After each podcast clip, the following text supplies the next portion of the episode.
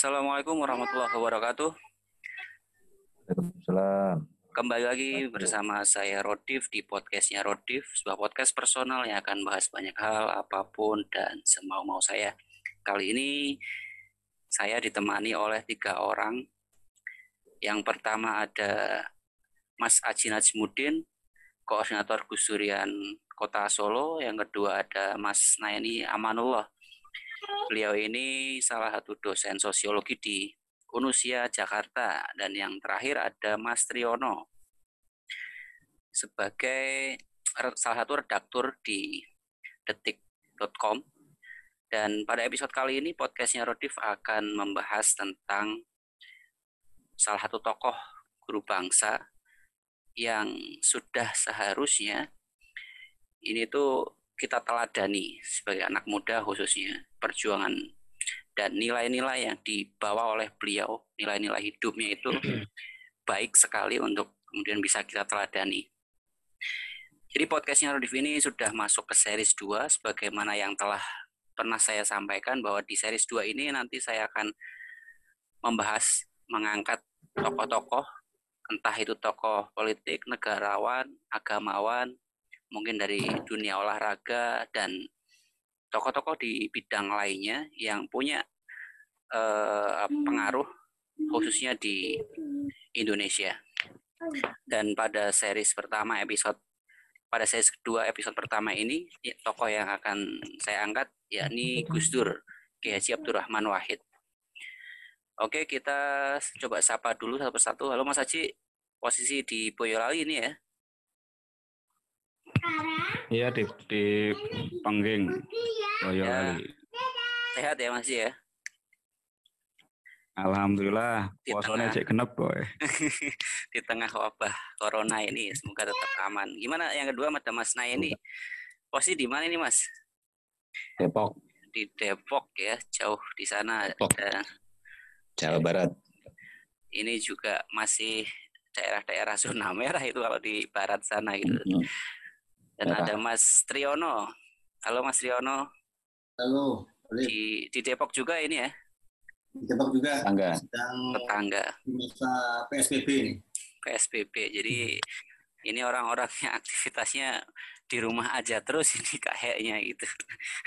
Hmm. Kalau kayak saya nggak bisa. Kalau gitu. soan kalau soan ke Depok berarti langsung double ya, Dip ya? Iya, gitu. Ya.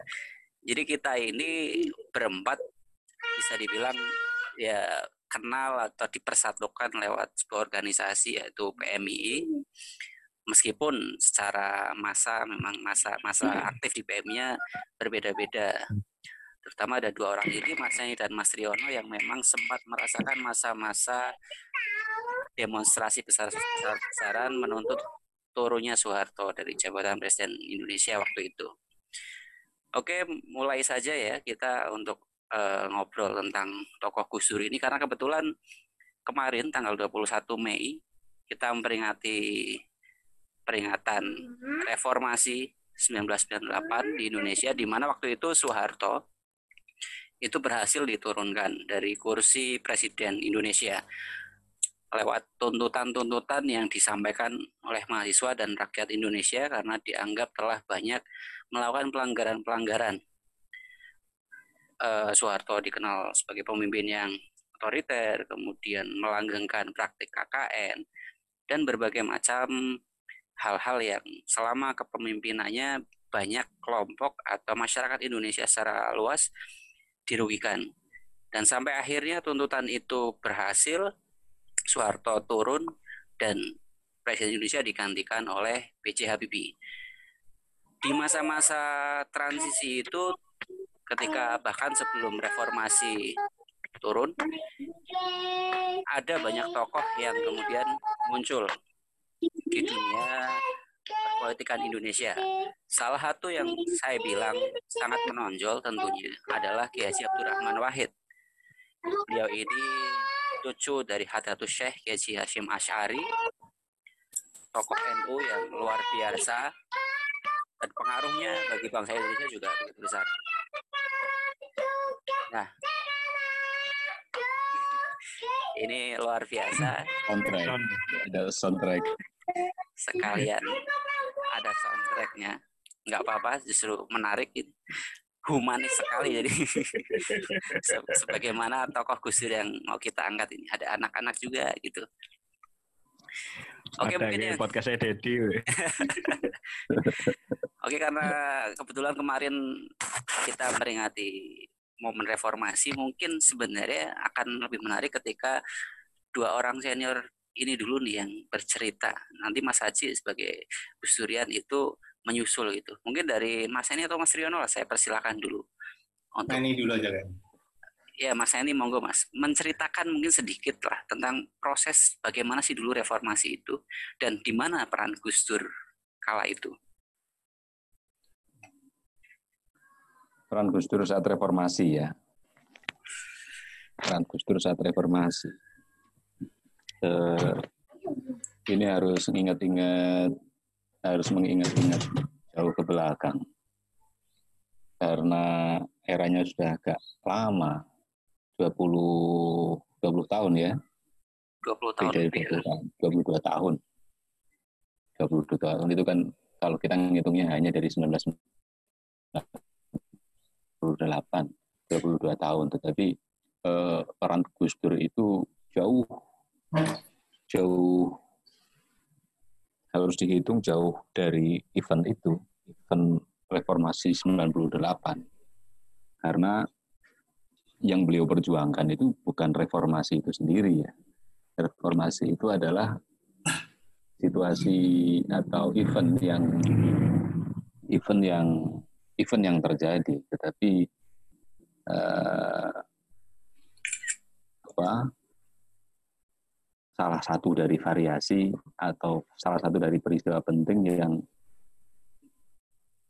menjadi efek dari perjuangan yang telah dilakukan selama berpuluh-puluh tahun sebelumnya, salah satunya oleh Gus Dur. Jadi kalau kita melihat bagaimana peran Gus Dur di dalam era reformasi itu sendiri barangkali pamornya itu atau popularitasnya itu kalah dengan Amin Rais karena saat itu yang paling banyak tampil di panggung reformasi khususnya di apa di tengah-tengah publik mahasiswa dalam aksi-aksi jalanan khususnya di Jogja di Jakarta Amin Rais banyak tampil Nah, kalau di Solo ya tokoh-tokoh lokal kemudian yang lain-lain. Jadi eh, kita perlu membaca bagaimana Gus Dur menciptakan kondisi yang memungkinkan bagi berlangsungnya reformasi. Jadi lebih lebih jauh dari itu ya, lebih jauh dari Gus Dur pada saat reformasi. Tetapi Gus Dur adalah salah satu figur sentral yang menciptakan kondisi yang memungkinkan bagi turunnya Soeharto, bagi terjadinya reformasi. Jadi perannya lebih substansial, bukan pemain panggung. Gus Dur bukan pemain panggung pada era reformasi. Salah satu peran Gus Dur di era reformasi yang tampil di depan panggung kira-kira ketika eh, empat empat tokoh penting, empat tokoh yang saat itu dianggap sentral dalam pentas perpolitikan dan dalam kehidupan masyarakat Indonesia itu berkumpul di Ciganjur. Ada Gus Dur di rumahnya Gus Dur. Gus Dur sendiri, kemudian ada Megawati, Amin Rais, dan kalau tidak salah satunya eh, Hamengkubuwono ya, Tri ya. Sultan, Sultan Hamengkubuwono berkumpul di rumah Gus Dur di Ciganjur.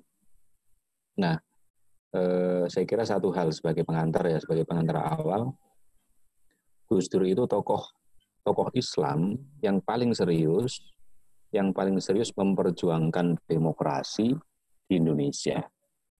Saya kira itu klaim yang bagi saya tidak berlebihan.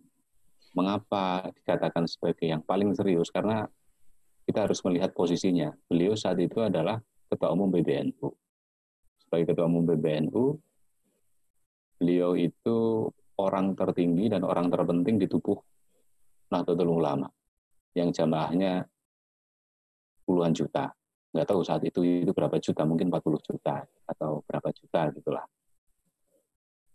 Nah, eh, beliau tidak hanya berbicara, beliau tidak hanya memperjuangkan demokrasi dalam level pemikiran. melainkan memperjuangkan demokrasi ke internal, ke dalam tubuh NU yang organisasi massa yang dianggap tradisional, kemudian suaranya begitu nyaring di dalam pentas politik nasional. Baik melalui forum demokrasi tadi yang sudah disebut Roti awal, kemudian kritik beliau terhadap uh, perkumpulan cendekiawan muslim yang bernama IJMI tahun 90-an awal itu berdirinya yang menurut beliau itu itu berbahaya berbahaya bagi satu bagi kesebangsaan Indonesia dan yang kedua bagi eh, apa namanya kenyataan plural dari kenyataan plural di dalam dalam konfigurasi masyarakat Muslim itu sendiri. Nah, indikator lain beliau itu sebagai tokoh Islam paling serius dalam memperjuangkan demokrasi. Beliau itu yang paling serius membangun hubungan-hubungan yang merobos batas-batas sektarianisme, agama, misalnya, kemudian sukuan dan lain sebagainya. Belum ada saat itu. Saya kira tidak ada sampai sekarang yang mampu seperti itu, yang mampu tampil, mampu tampil berkomunikasi dengan orang-orang di antar agama, kemudian antar suku dengan sepenuh hati, dengan ketulusan yang yang natural gitu loh. Jadi bukan karena beliau bergaul dengan orang lain yang berbeda itu bukan karena ada sorotan kamera, melainkan karena memang itu dorongan dari dari keyakinan teologis Gus Dur sendiri. Bukan karena ada proyek kira-kira begitulah, karena ada proyek toleransi kemudian berhubungan dengan agama lain. Bukan karena itu, melainkan karena itu ekspresi dari keyakinan teologisnya satu yang kemudian itu ekspresi dari tanggung jawab beliau sebagai salah satu putra founding fathers kira-kira begitu. Yang ketiga ya karena kesadaran beliau bahwa bangsa Indonesia, Indonesia sebagai sebuah bangsa itu harus harus betul-betul mempunyai apa ikatan sosial yang kuat yang mampu untuk menghubungkan berbagai perbedaan di dalam masyarakat. Nah, kemudian yang lain eh, Gus Dur itu satu-satunya tokoh Islam yang saat itu juga mampu bergaul dengan aktivis-aktivis muda. Yang kiri mau khususnya yang kiri. Khususnya yang kiri. Kiri dan tengah kira-kira begitu. Beliau begitu welcome dengan aktivis-aktivis kiri, kemudian menjadi teman diskusinya, menjadi salah satu tanda, dalam tanda kutip kira-kira ya patron, patron, patron aktivis-aktivis kiri sehingga memungkinkan eh, pemikiran-pemikiran kritis dari kalangan aktivis-aktivis kiri itu merembes ke kalangan muda NU. Kira-kira antara lain ya generasi terakhirnya mungkin sahabat Triono dan kawan-kawan itu. Generasi terakhir pada saat itu ya, kira-kira generasi terakhir saat itu ya sahabat Triono dan kawan-kawan.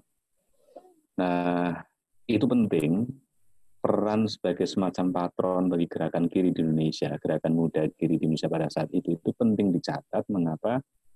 Karena dengan posisinya itu, eh, kekuatan dorongan reformasi 98 itu menjadi lebih kuat.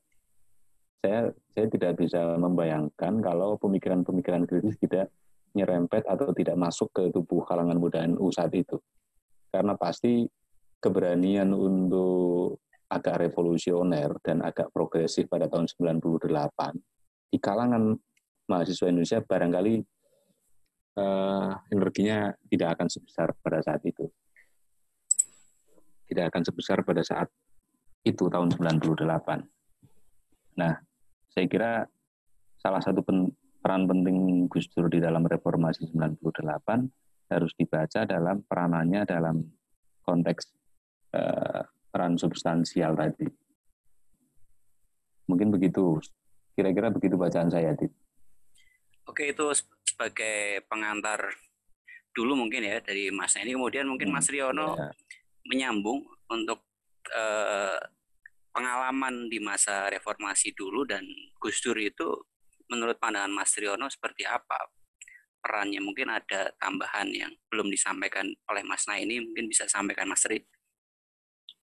Iya, kalau apa uh, Gus Dur ketika muncul di reformasi itu kan uh, menurutku bagian kecil sebetulnya, bagian kecil dari proses panjang disebutkan lain tadi.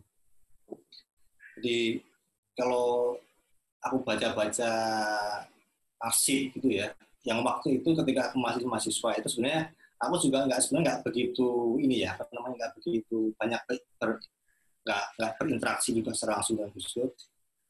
Tapi kan kita baca tulisan-tulisan beliau itu di beberapa media, misalkan di apa Tempo, kemudian di media-media Kompas apa itu yang itu menurutku itu menjadi semacam ini apa namanya api menjadi semacam api bagi anak-anak muda ketika itu untuk kemudian akhirnya berani itu menyuarakan uh, reformasi itu. Jadi kalau aku bayangkan tulisan-tulisan Gus Dur di beberapa media itu kan seperti dia itu kayak uh, melahirkan sebuah narasi narasi yang berbeda dari narasi dominan. Jadi kalau kita menggunakan ini untuk serius ya. Jadi kalau kita menggunakan apa? Serius banget analisis, analisis misalkan kita gunakan analisisnya Yuval Noah Harari, sejarawan dari Israel itu.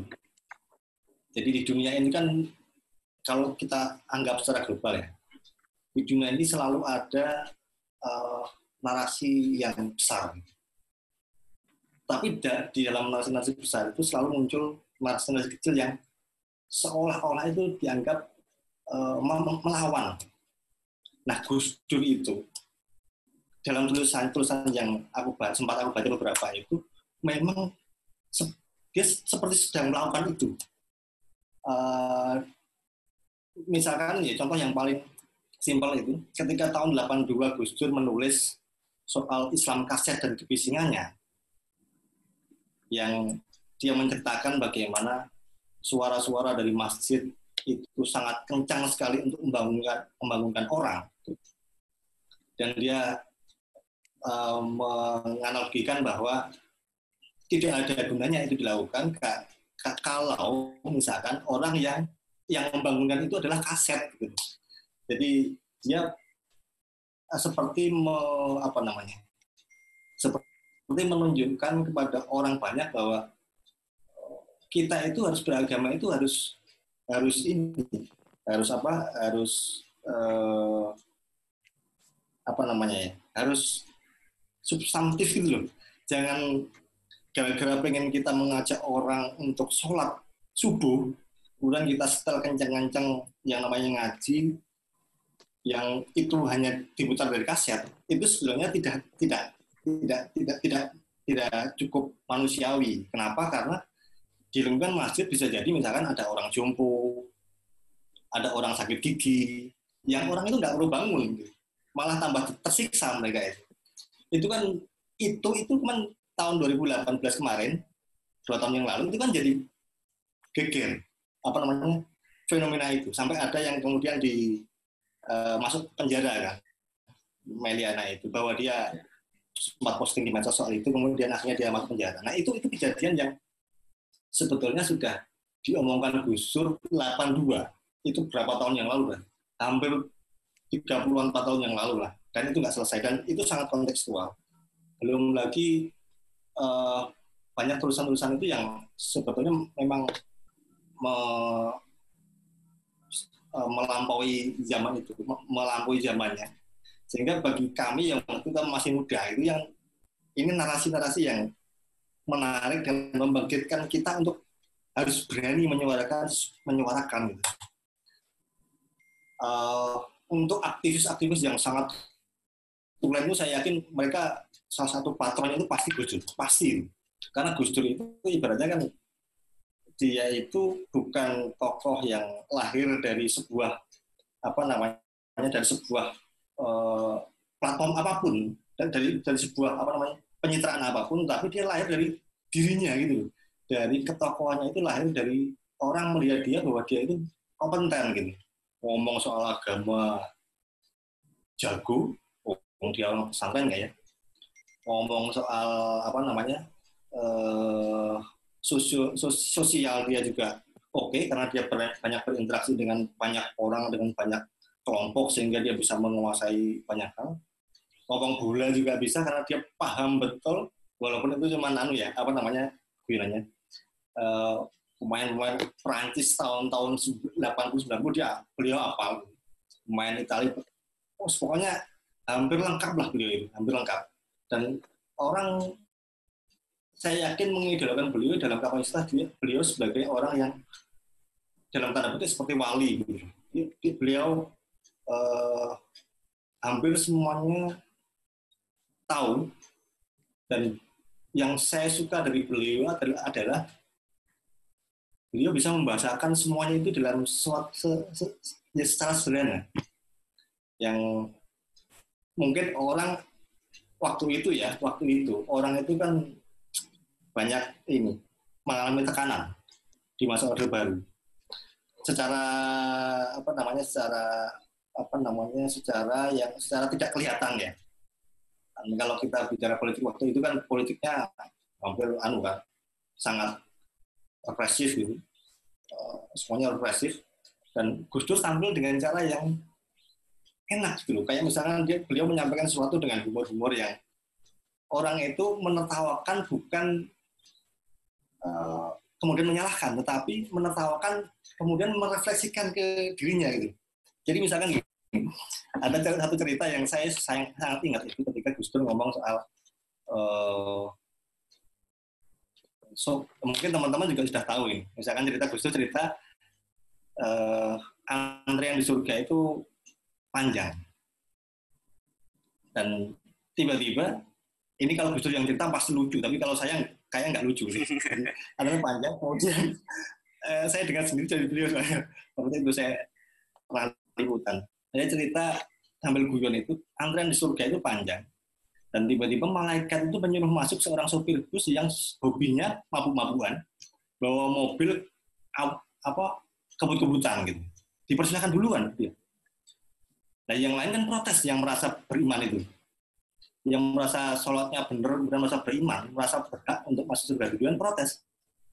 Loh, malaikat itu kan sopir bus yang suka kebut-kebutan suka mabuk kenapa kamu duluin malaikat kemudian malaikatnya jawab kalian kalau naik bus ketika sebenarnya kebutuhan bilang apa? Astagfirullah, subhanallah, semuanya. Nah itulah, itulah kenapa dia duluan karena dia mengingatkan kepada orang-orang untuk mengingat kepada Allah gitu. itu sebenarnya ceritanya kan apa apa namanya ceritanya kalau walaupun itu benar enggak, maksudnya karangan itu sebetulnya punya makna yang dalam bahwa kalau misalnya kita hubungkan dengan saat ini adalah tidak ada satupun orang yang bisa mengklaim bahwa dia akan masuk surga karena masuk surga itu adalah atau apa pun yang itu adalah kehendak Allah gitu. Jadi kalau ada orang yang sekarang kita sering di medsos kemudian disebut oleh netizen sebagai orang-orang yang mengkapling surga misalkan gitu.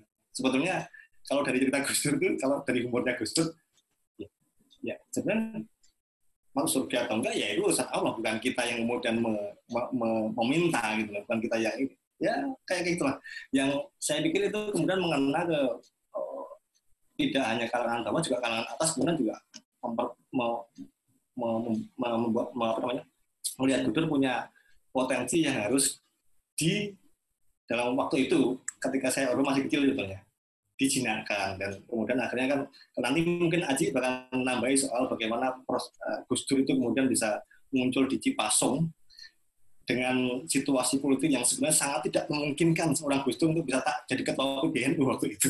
Nah, itu tapi akhirnya uh, itu bisa bisa karena ketokohan Gus Dur itu menurut saya itu tidak bisa dihentikan oleh yang namanya kekuasaan.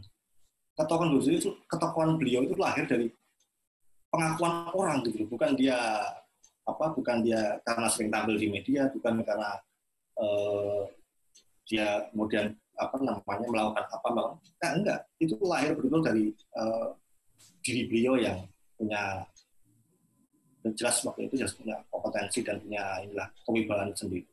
Ya itulah yang singkat itu yang aku bayangkan tentang Gus Dur yang walaupun aku sendiri sebenarnya nggak banyak berinteraksi ketika aku jadi wartawan juga beberapa hanya dua tiga kali lah ketika itu ketemu beliau yang kemudian yang saya ingat adalah beliau itu kemudian memarahi saya di saya ingat betul ketika Gus Dur itu hadir di pondok pesantren di Sendang Guwo Kedung Semarang. Uh, beliau sudah mantan waktu mantan presiden. Saya ikut datang liputan, kemudian ya biasa Gus Dur kan misalnya ceramah, kemudian uh, setelah itu beliau memberi kesempatan untuk tanya jawab. Saya tidak ingat betul apa yang saya tanyakan waktu itu, tapi saya ingat betul jawaban beliau. Jadi beliau sambil dengan ekspresi marah yang saya tidak yakin beliau marah sebenarnya. Mungkin sebel aja.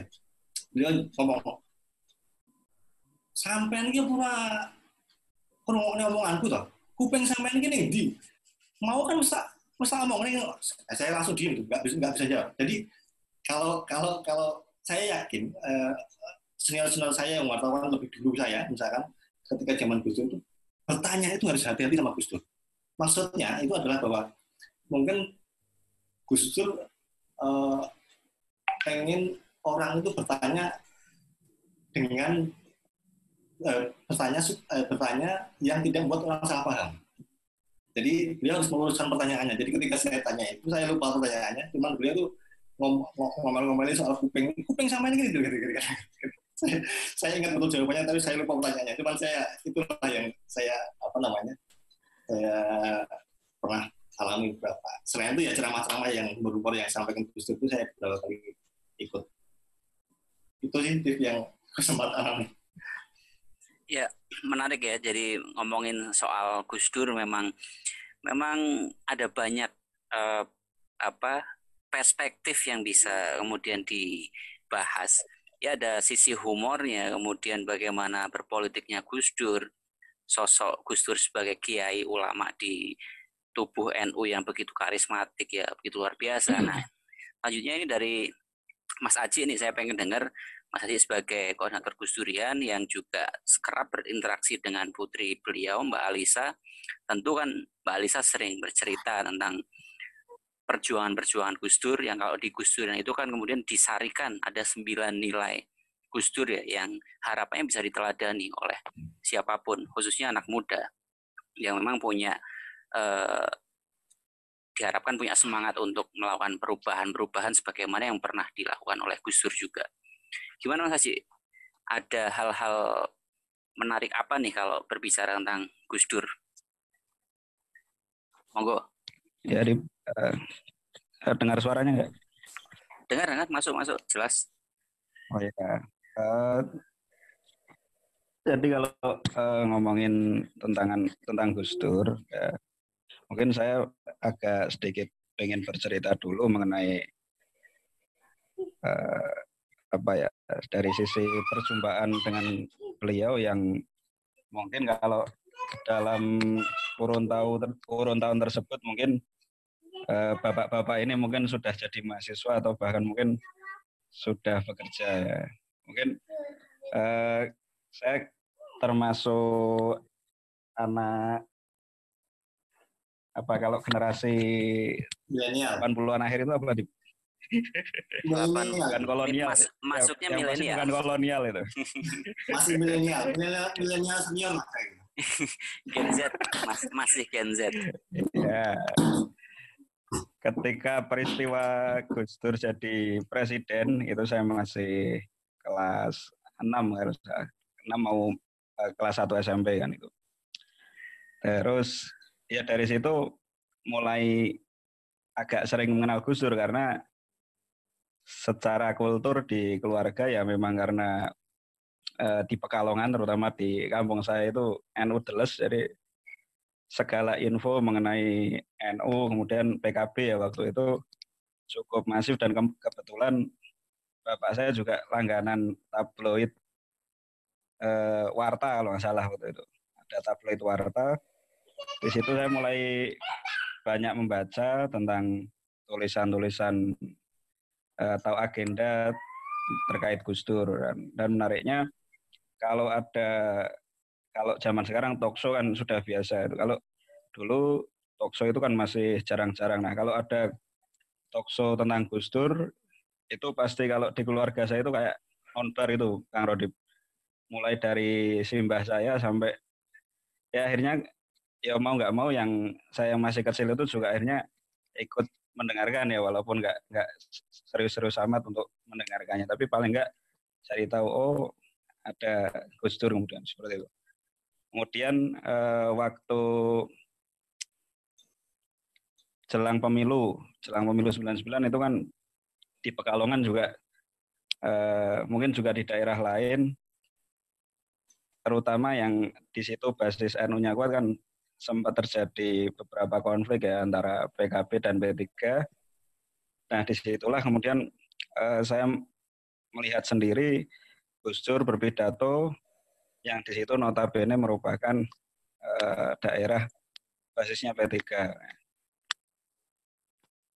Saya pulang dari ikut dari orasi Gus Dur tersebut, pulang mungkin di daerah uh, kalau petane Ponolawen apa di Medono apa eh kok Medono Medono lah di daerah. Medono itu uh, kebetulan saya jalan kaki sama rombongan lah itu dilempari batu dan lain sebagainya mungkin di tahun tersebut di tahun tersebut saya juga belum menangkap kok seperti kok seperti ini sampai orang kok sampai lempar-lemparan batu uh, hanya untuk sebuah apa ya biar jagoannya menang atau partainya menang seperti itu.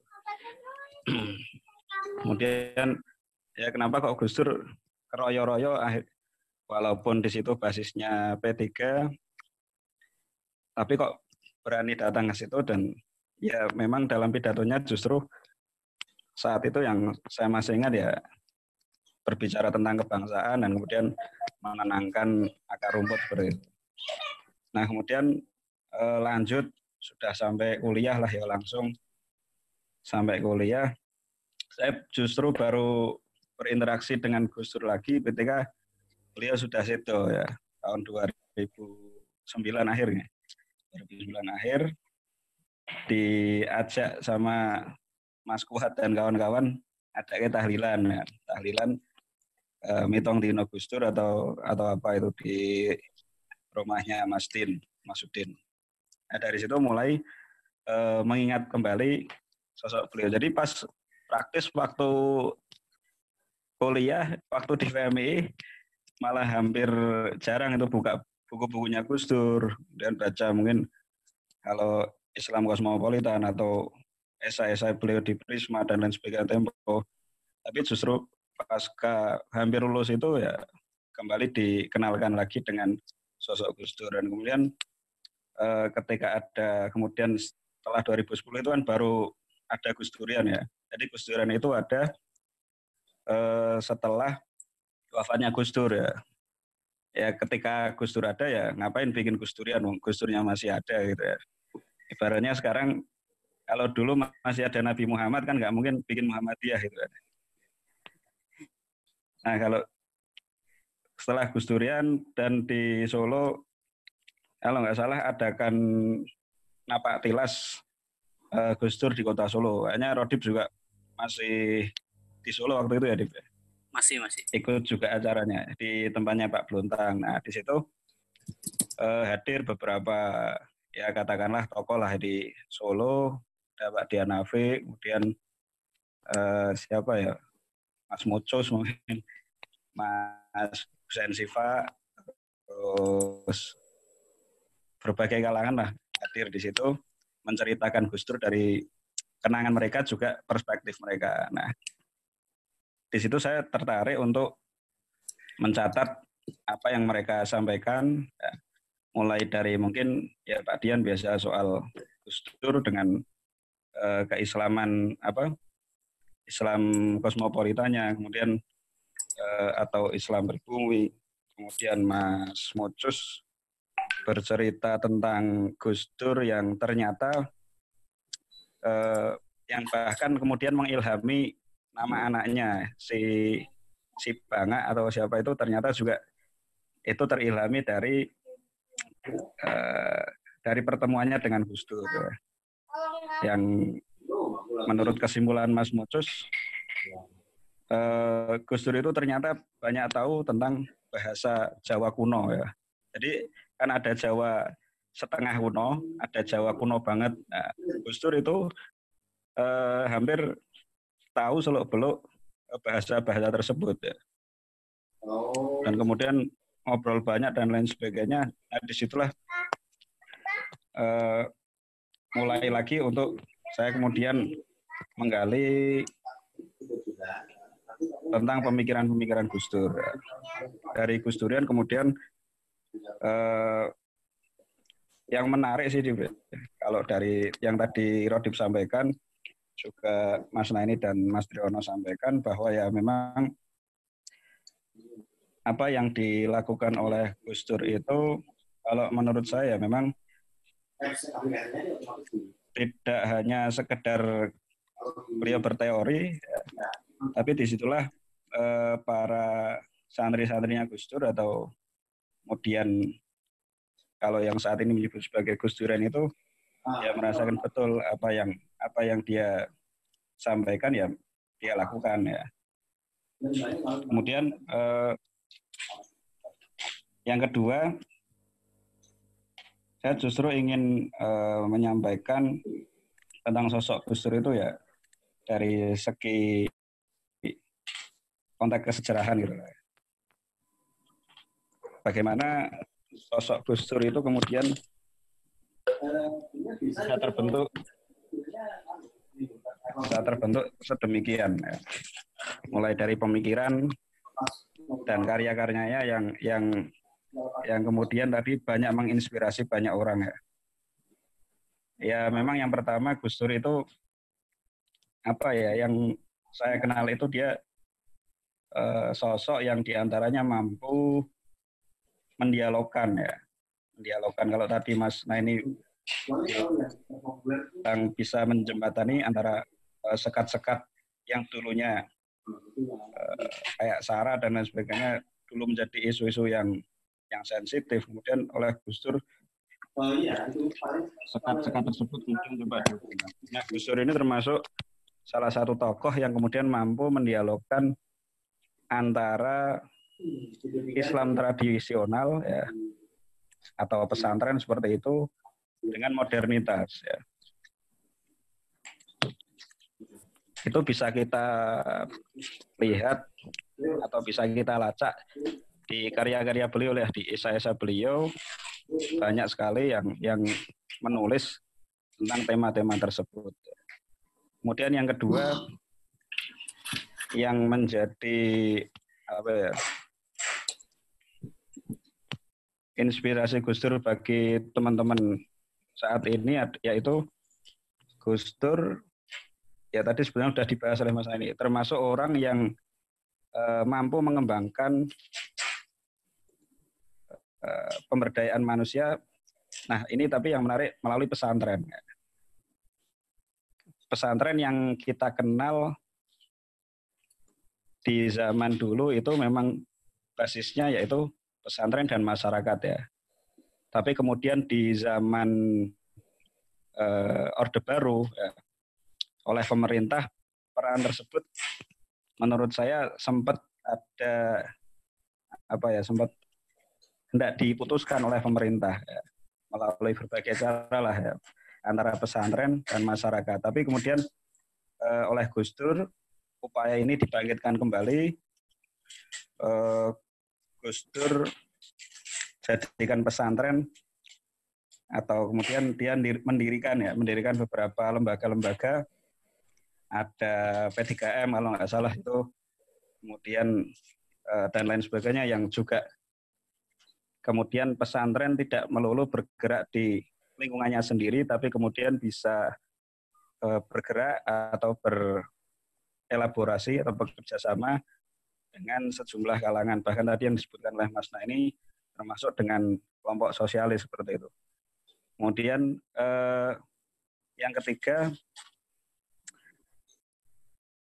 Gus ini mampu eh,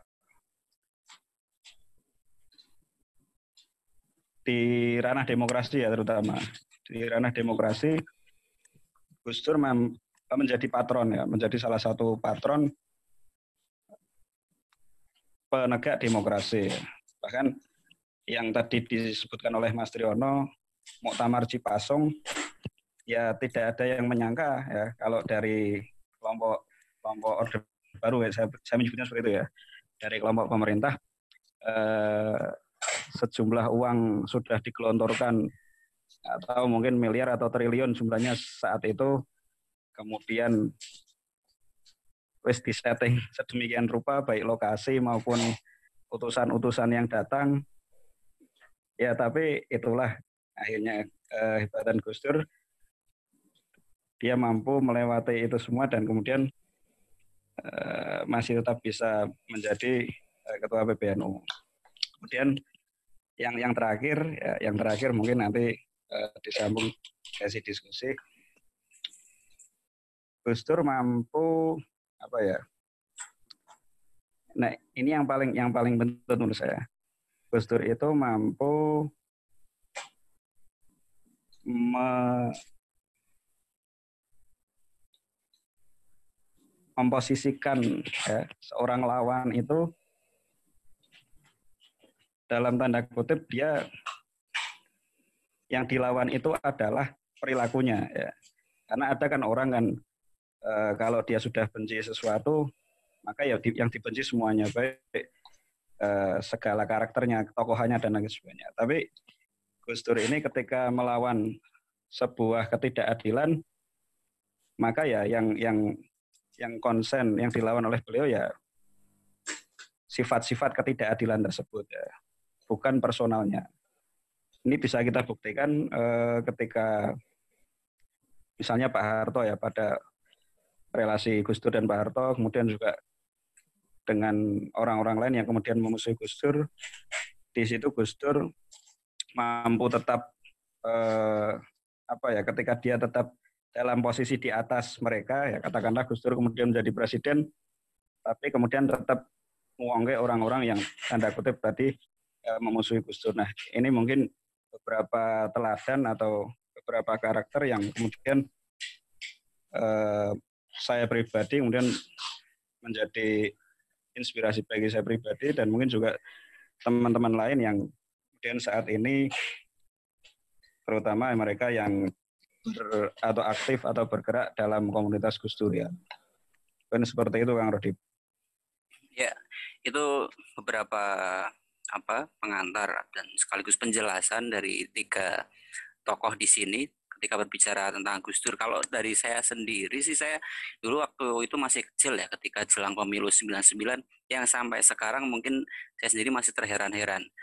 Kok bisa ada tokoh e, sebegitu besar seperti Gus Dur yang masyarakat itu benar-benar sampai kalau dulu di warga di sekitar saya itu sampai beneran kayak rela mati gitu untuk membela Gus Dur untuk sampai jadi presiden. Ketika saya melihat masa kampanye waktu itu PKB gitu ya di tahun-tahun itu itu begitu luar biasa. Dan sampai sekarang saya tidak melihat fenomena seperti itu lagi. Bahwa kemarin misalnya sejak 2014 kemudian 2019 politik kita juga begitu heboh ya. E, misalnya dengan nama Jokowi orang banyak menyebut Jokowi, Jokowi, Jokowi, tapi secara ketokohan personalnya saya rasa tidak kemudian mampu melampaui kebesaran tokoh Gus Dur yang benar-benar mengakar dan orang itu mau dengan rela tulus gitu untuk mendukung karena tahu masyarakat bahwa apa yang disampaikan oleh Gus Dur itu memang hal yang benar yang layak untuk kemudian dibantu perjuangannya gitu. Kalau sekarang memang boleh kita bilang mungkin cenderungnya transaksional saya dukung ini ya karena saya ingin dapat apa atau karena ikut-ikutan uh, tren saja begitulah. Berbeda jauh saya rasa. Kemudian kalau ngomong Gus lagi saya mungkin nanti bisa kita diskusikan bersama terutama pada soal kebangsaan ya, yang ini membuat tidak hanya warga NU saja yang kemudian begitu mengapresiasi apa yang telah dilakukan oleh Gus Dur di masa dulu.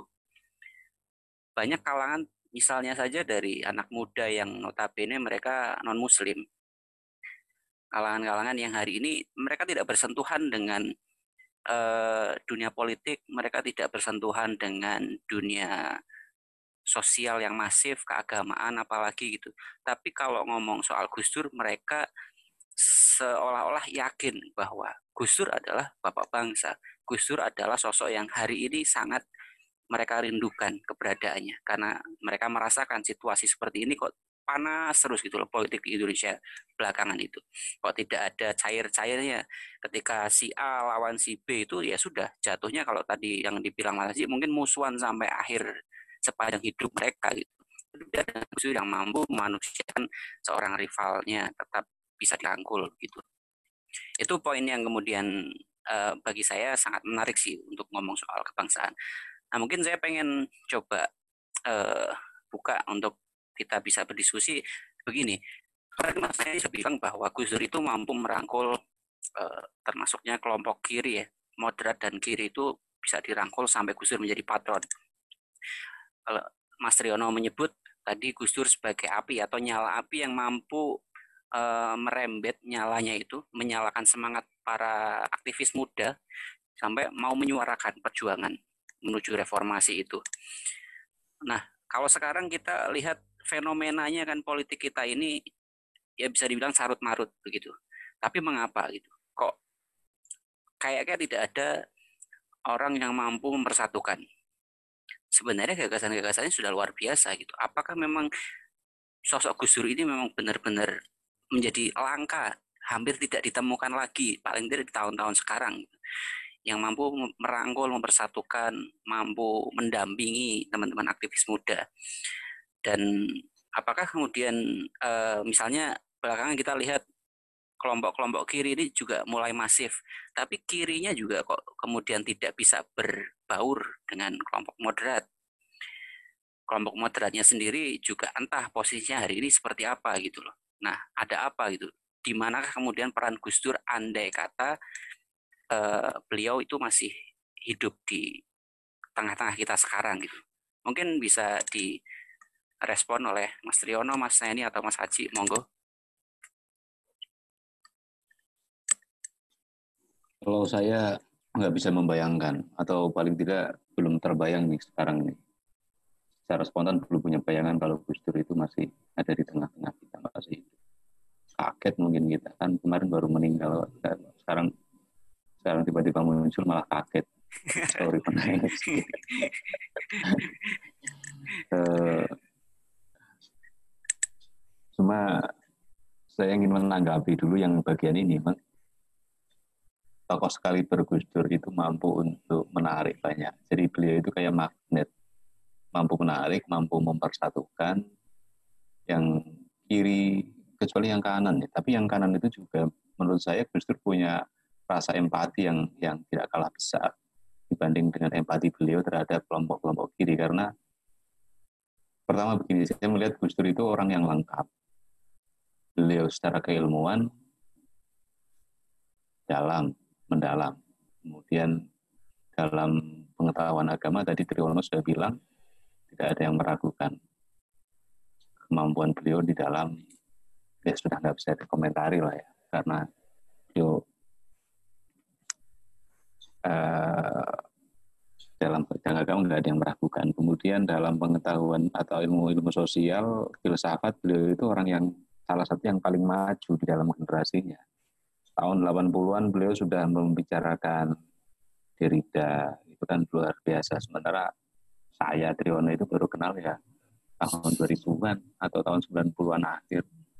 Itu pun nggak paham-paham. Nah, terah beliau, terah beliau itu lengkap. Maksud saya terah beliau itu ya sudah. Jadi kenapa kok kata Triono tadi ada yang menyebut bahwa beliau itu wali? Ya karena beliau itu menurut saya lengkap. Secara pengetahuan kemudian secara dan beliau punya keberanian yang jarang dimiliki. Orang pinter banyak tetapi orang berani dan pinter itu sedikit. Dan yang paling menurut saya yang paling tulus yang paling luar biasa lagi adalah ketulusan barangkali ya. Karena seperti yang saya tadi bilang langkah-langkah beliau itu berhubungan dengan Soeharto sekalipun.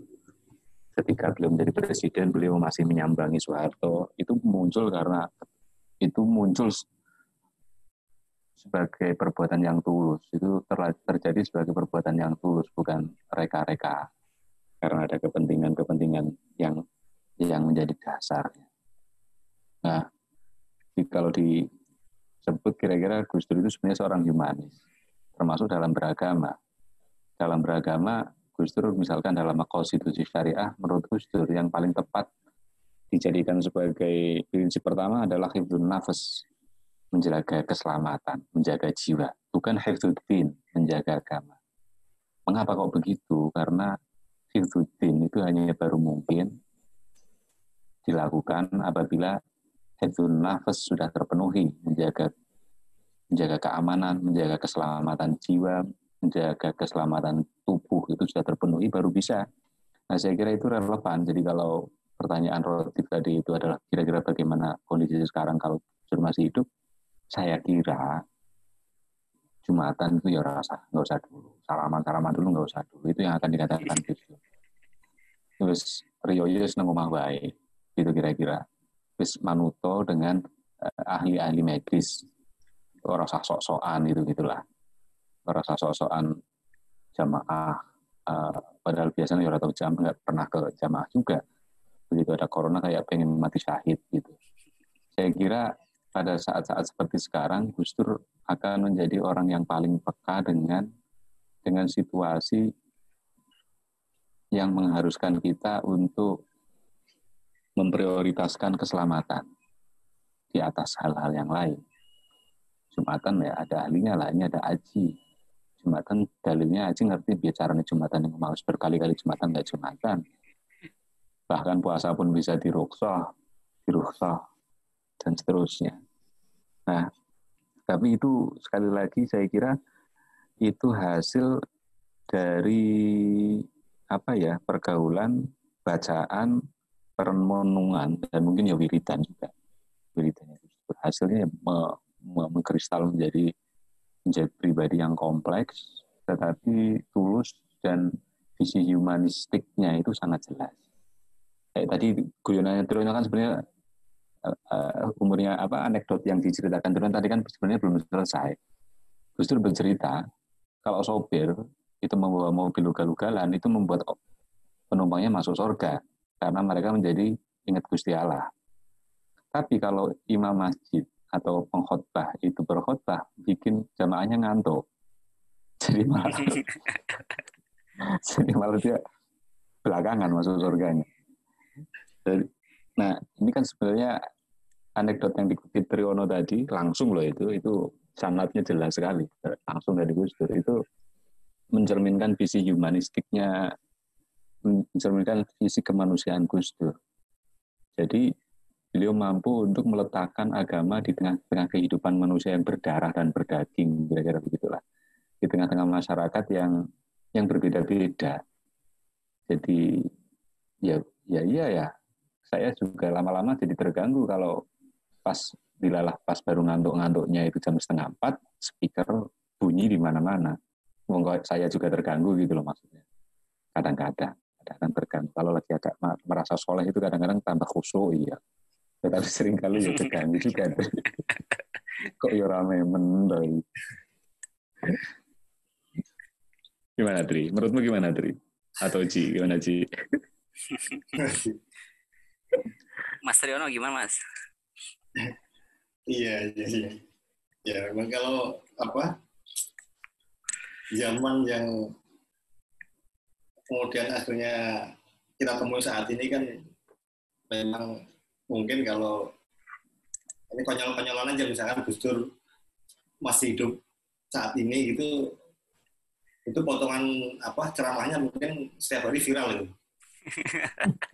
kan semua orang menganggap Gus Dur itu kontroversial omongannya. Tapi bu, sebetulnya untuk orang yang paham beliau itu sebenarnya ya ya kayak cerita tadi lah misalkan anekdot tadi kan kalau bagi orang yang letterlock gitu melihatnya kan oh, Gus kafir gitu kan kan Gus kafir masa sopir mabuan masuk surga dulu nggak ada itu di ajaran kayak gitu maksudnya ada orang yang menganggap anekdot-anekdot atau pernyataan yang sifatnya dalam konteks yang bercanda misalkan ketika ditafsirkan dalam situasi yang berbeda, itu akan nanti hasilnya lain dan dianggap kontroversial. Nah itu kalau Gus Dur itu hadir saat ini, bayangan gue itu ya kalau kita mau mikir konyol itu ya mungkin banyak ceramah potongan ceramah beliau yang viral gitu, yang kemudian akan dimainkan oleh kelompok-kelompok lain itu misalkan untuk kemudian menganggap wah itu Islam nggak benar gitu gitulah yang sekarang kan uh, orang itu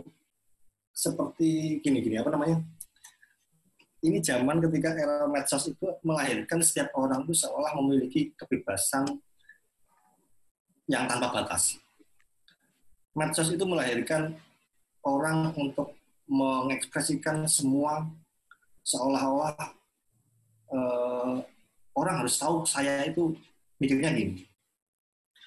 Uh, dan kan kita, kalau uh, mungkin teman-teman di sini punya membalikkan keadaan ketika berapa tahun yang lalu. Ketika misalkan teman-teman SD yang di sini misalnya, coba aja, ah, saya yakin masih ada ini teman SD atau teman SMP yang ketika itu dia itu sangat pendiam,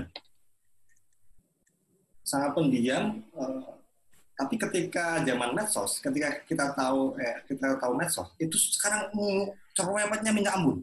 Kalau enggak dia pandangannya berubah 100% dari yang dulu kita kenal. Dan kemudian menganggap dia itu asing seolah-olah kemudian ini benar temanku enggak sih? gitu. Kadang-kadang pandangannya berbalik. Itu menurut saya itu adalah efek ketika ada platform yang menyediakan orang untuk berekspresi yang dulunya dia itu nggak bisa gitu. Dulunya nggak bisa. Jadi dulu nggak bisa. Dia nggak berani dulu nggak berani ngomong sama orang. Dulu dia takut untuk ngomong. Tapi sekarang ada platform itu dan kemudian dia merasa inilah ruang saya dan akhirnya muncullah yang kemudian uh, menurut saya itulah kasus-kasus yang sebenarnya tidak tidak masuk akal gitu loh. Kejadian orang ngomong apa kemudian ketika kasusnya di ini di apa diproses kemudian diminta maaf nangis nangis banyak kan kayak gitu. Nah ini uh, saya kira tantangan terbesar tantangan terbesar saat ini adalah um, orang harus bisa melihat bahwa sebebas apa pun tetap ada batas. Kalau Gus Dur itu menyebut uh, gimana kita menjadi manusia ya, jawaban beliau itu saya ingat betul itu di salah satu bukunya itu jawaban beliau adalah ya hiduplah dengan batas-batas batas-batas kepantasanmu sebagai manusia. Ya, kalau saya membayangkan sih ya kalau orang apa namanya eh, nyerocos nggak jelas sementara dia tuh nggak tahu yang diomongkan kan ini nggak itu sudah over batas juga.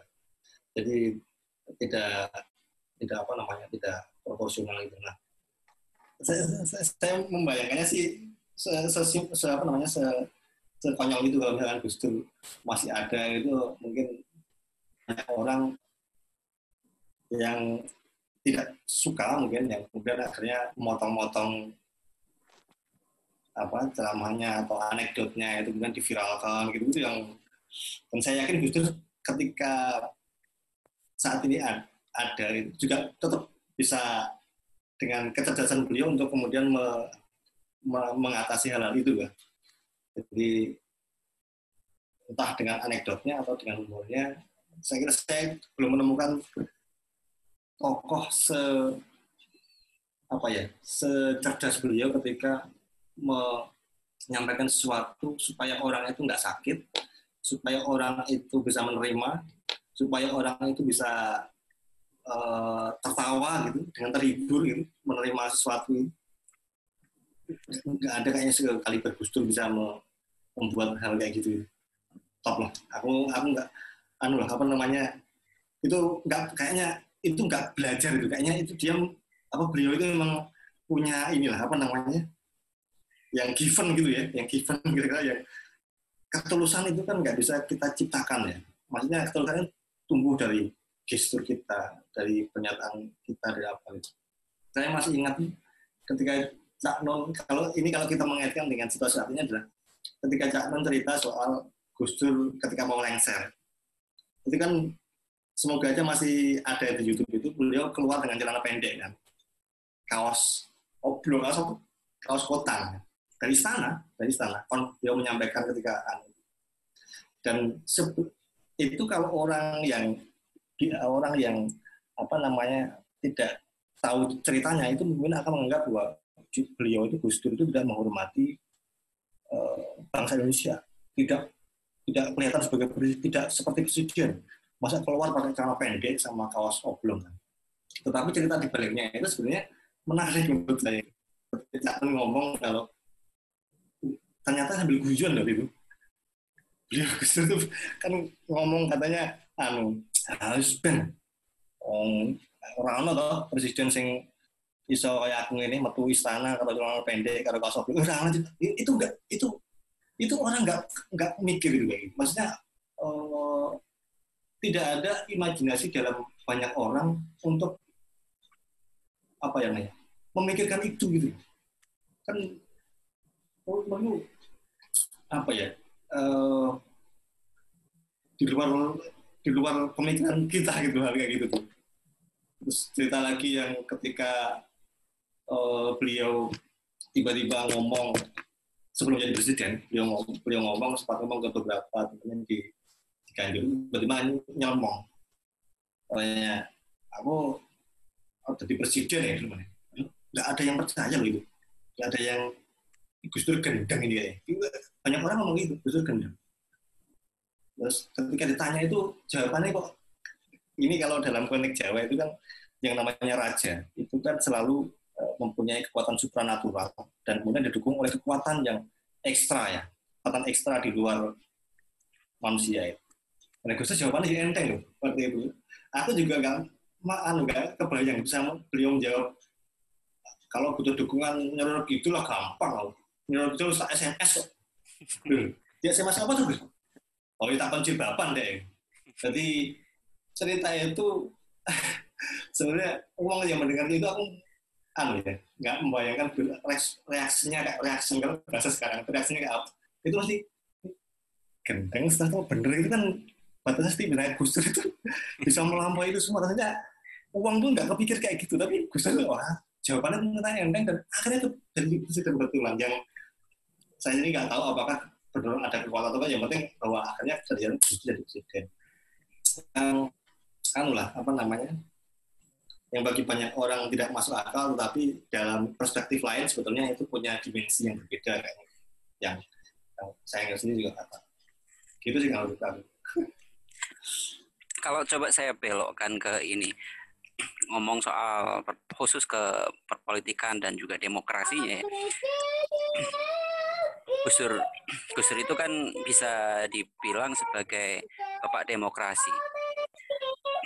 Karena apa jasa beliau ketika di masa-masa itu berani mem membuka keran demokrasi di Indonesia, misalnya kebebasan berbicara yang sebelumnya memang pemerintahan itu represif sekali, juga kemudian bagaimana masyarakat diberi kebebasan untuk beraktivitas, menyuarakan apa pun gitu.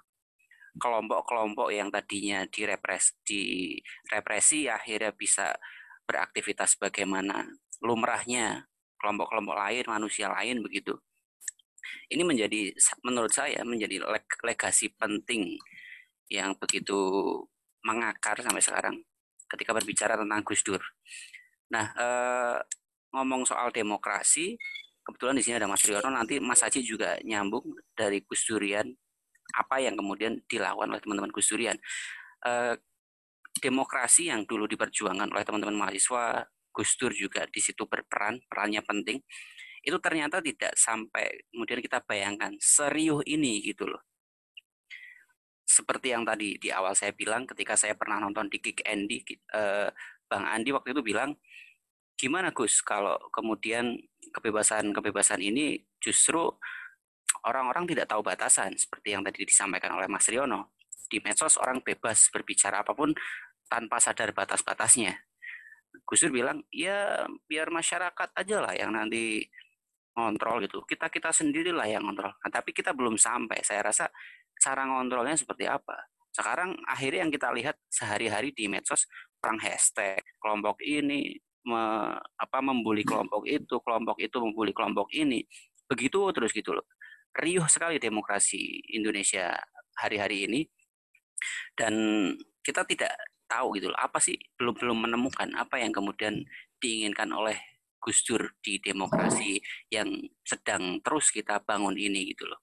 Mungkin Mas Haji dari Gus Durian apa yang kemudian saya pengen tahu dilakukan oleh teman-teman Gus Durian ketika ngomong soal demokrasi di Indonesia. Monggo Mas Haji. Ya, dengan backsound tak nyanyi. oh, masih menarik itu. Jadi, Nah, ini deh, uh, kalau tadi saya mungkin nyambung dengan Mas Triyono ya bahwa Gus Dur itu ya memang ya gendeng tadi. Gendengnya gimana? Gendeng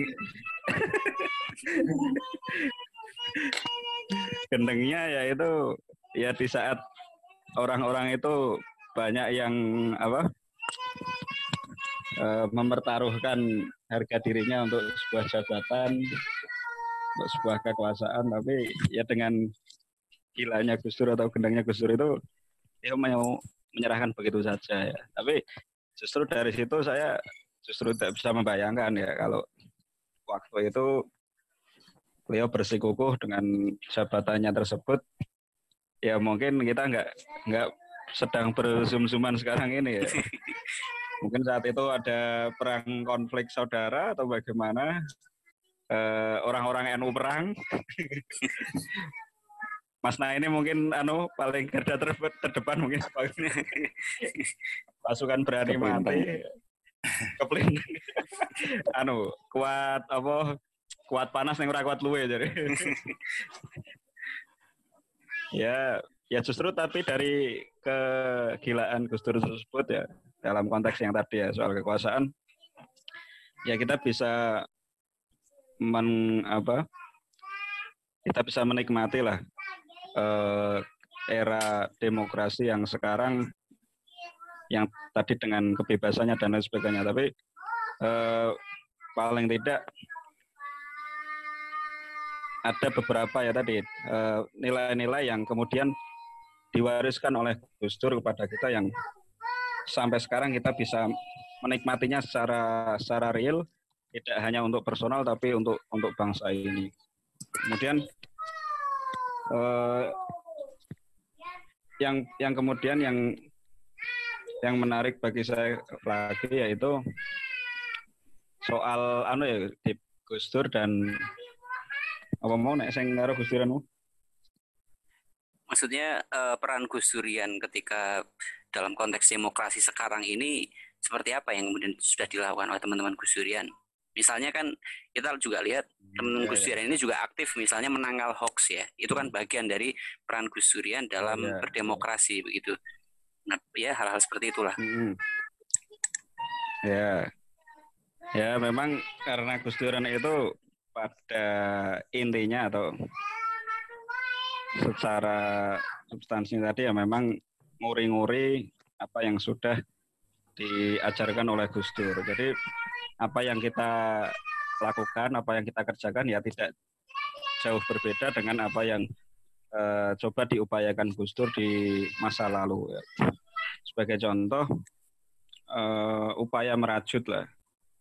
Kalau kita menyebut Gus Dur sebagai tokoh perajut bangsa, Nah, dalam konteks tersebut yang kita laksanakan yaitu ya dengan Gus Durian ini kita ingin coba uh, untuk merajut berbagai elemen bangsa tadi.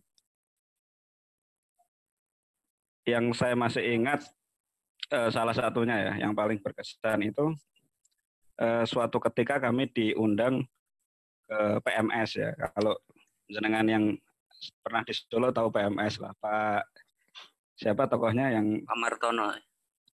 Pak Martono Pak Sumartono.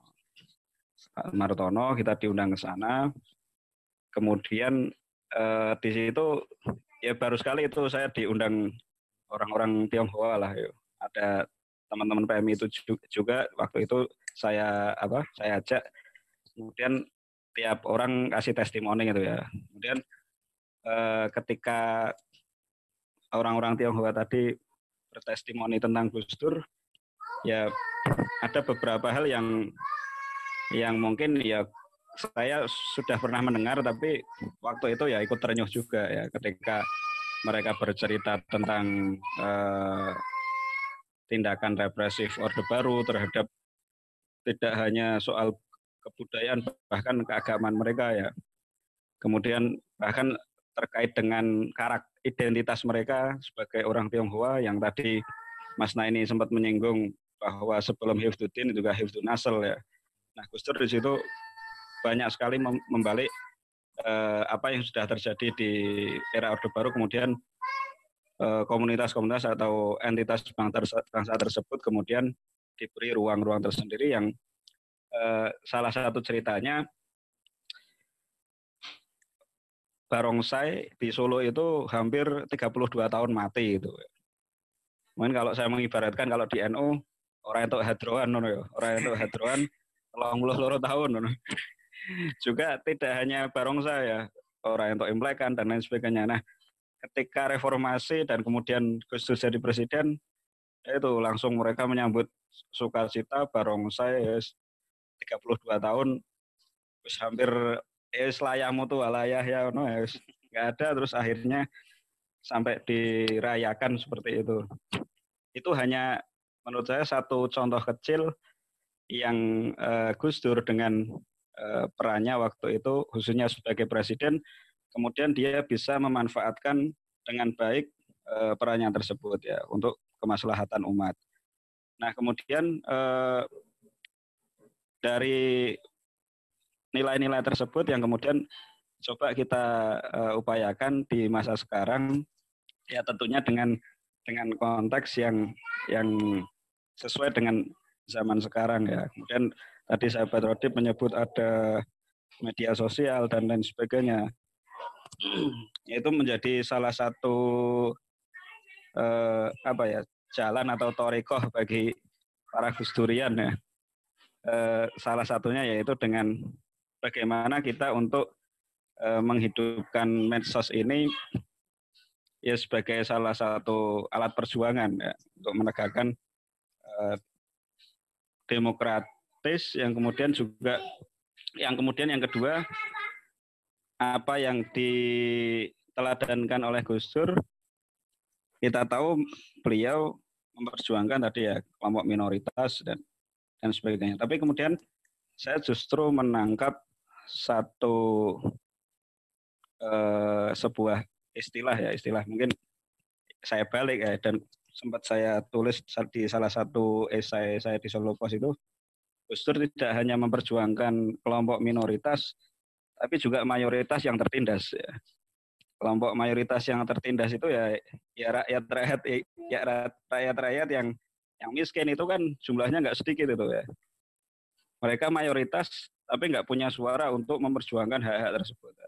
Nah, di sini kemudian eh, kami dari Gus Durian ya coba untuk tadi nguri-nguri ya sekedar yang kami bisa lakukan ya sekedar nguri-nguri dan kemudian eh, mengupayakan sesuai dengan konteks saat ini bahwa kemudian eh, baik minoritas ataupun mayoritas yang tertindas tadi kemudian upaya untuk merajut bangsa ya untuk uh, memperjuangkan demokrasi itu yang menjadi beberapa poin-poin yang uh, saat ini teman-teman Gus Durian lakukan. Seperti itu saya terlebih.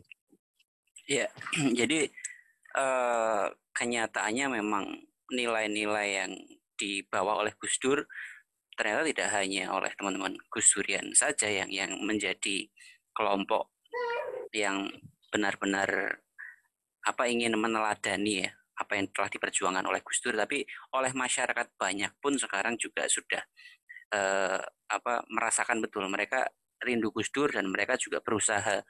Jadi misalnya saja ketika saya membaca-baca di situs-situs eh, online gitu, itu banyak tulisan yang mereka menukil statement-statement Gus Dur atau bercerita atau menganalogikan tentang apa yang dulu dilakukan oleh Gus Dur ketika uh, di zaman sekarang dengan konteks sekarang kok berbeda gitu loh terutama soal toleransi beragama misalnya. Sekarang ini kan banyak kasus gitu. Kemudian juga soal ngomong soal Papua misalnya.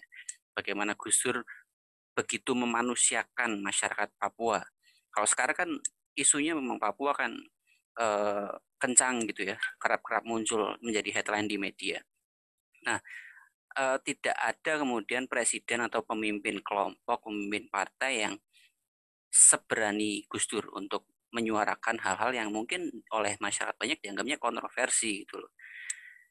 Ya kira-kira seperti itu. Mungkin uh, Mas Triono uh, dari perspektif media mungkin bisa bercerita ketika ngomong demokrasi, media menjadi salah satu komponen penting dalam demokrasi.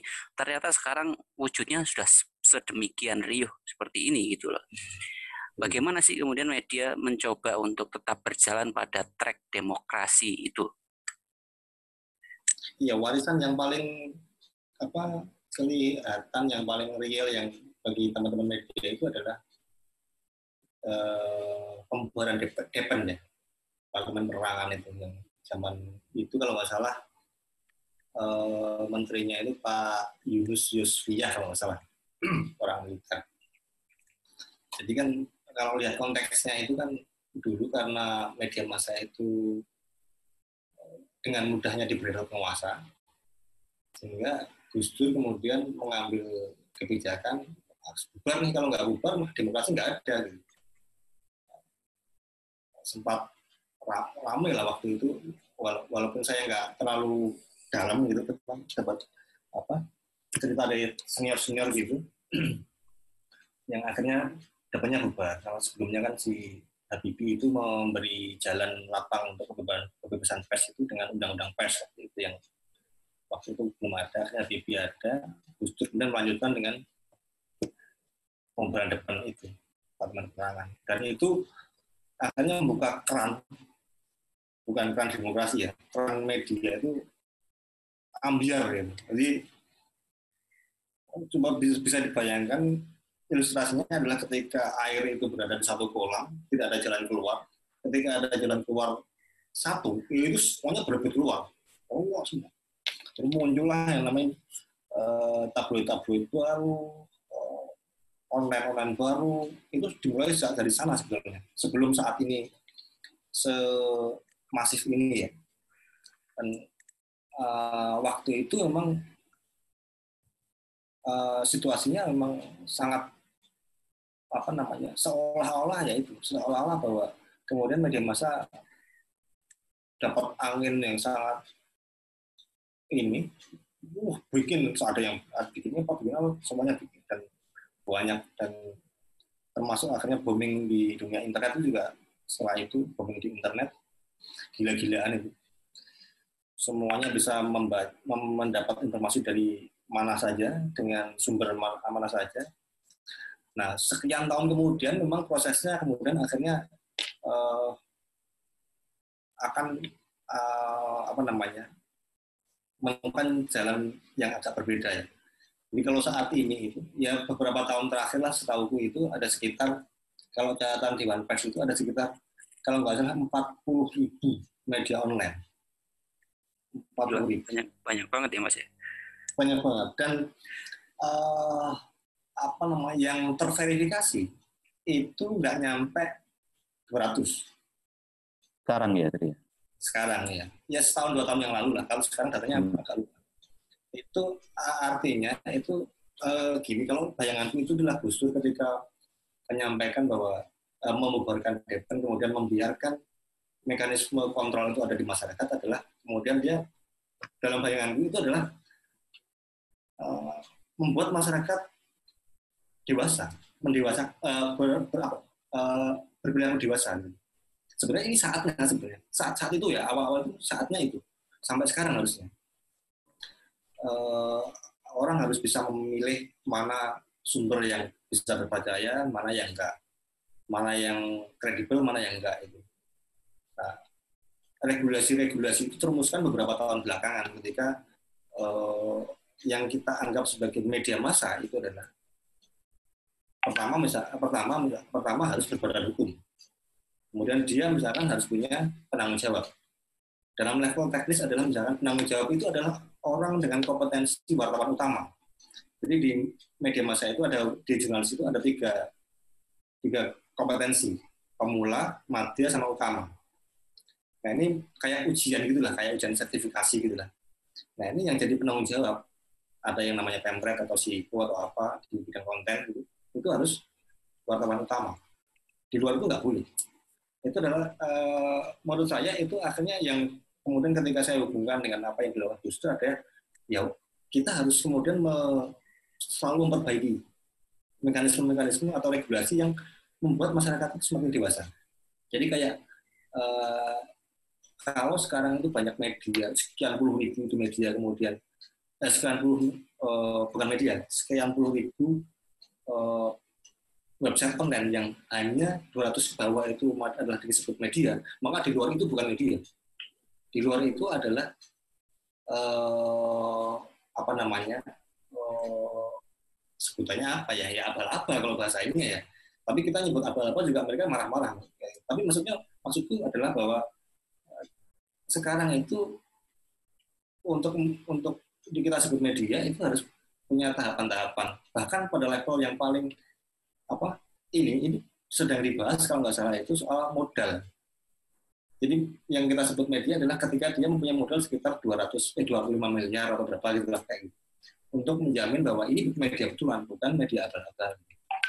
Nah ini sekarang mekanismenya itu kalau situasi sekarang adalah yang kita anggap yang kita anggap sebagai media, yang kemudian ketika ada masalah dengan uh, pihak lain, maka itu adalah arahnya ke Dewan Pers sengketa medianya. Tapi ketika itu bukan media, media abal-abal maka dia arahnya ke pidana Kenapa? Karena itu ada hukumnya, gitu. undang-undang ITE atau undang-undang pidana KUHP gitu. Nah itu menurutku pendewasaan yang sekarang terus berlangsung. Dan itu kalau nggak dilakukan oleh Gus Dur ketika zaman itu nggak kita nggak bakal nggak bisa kayak gini, nggak bisa kayak gini.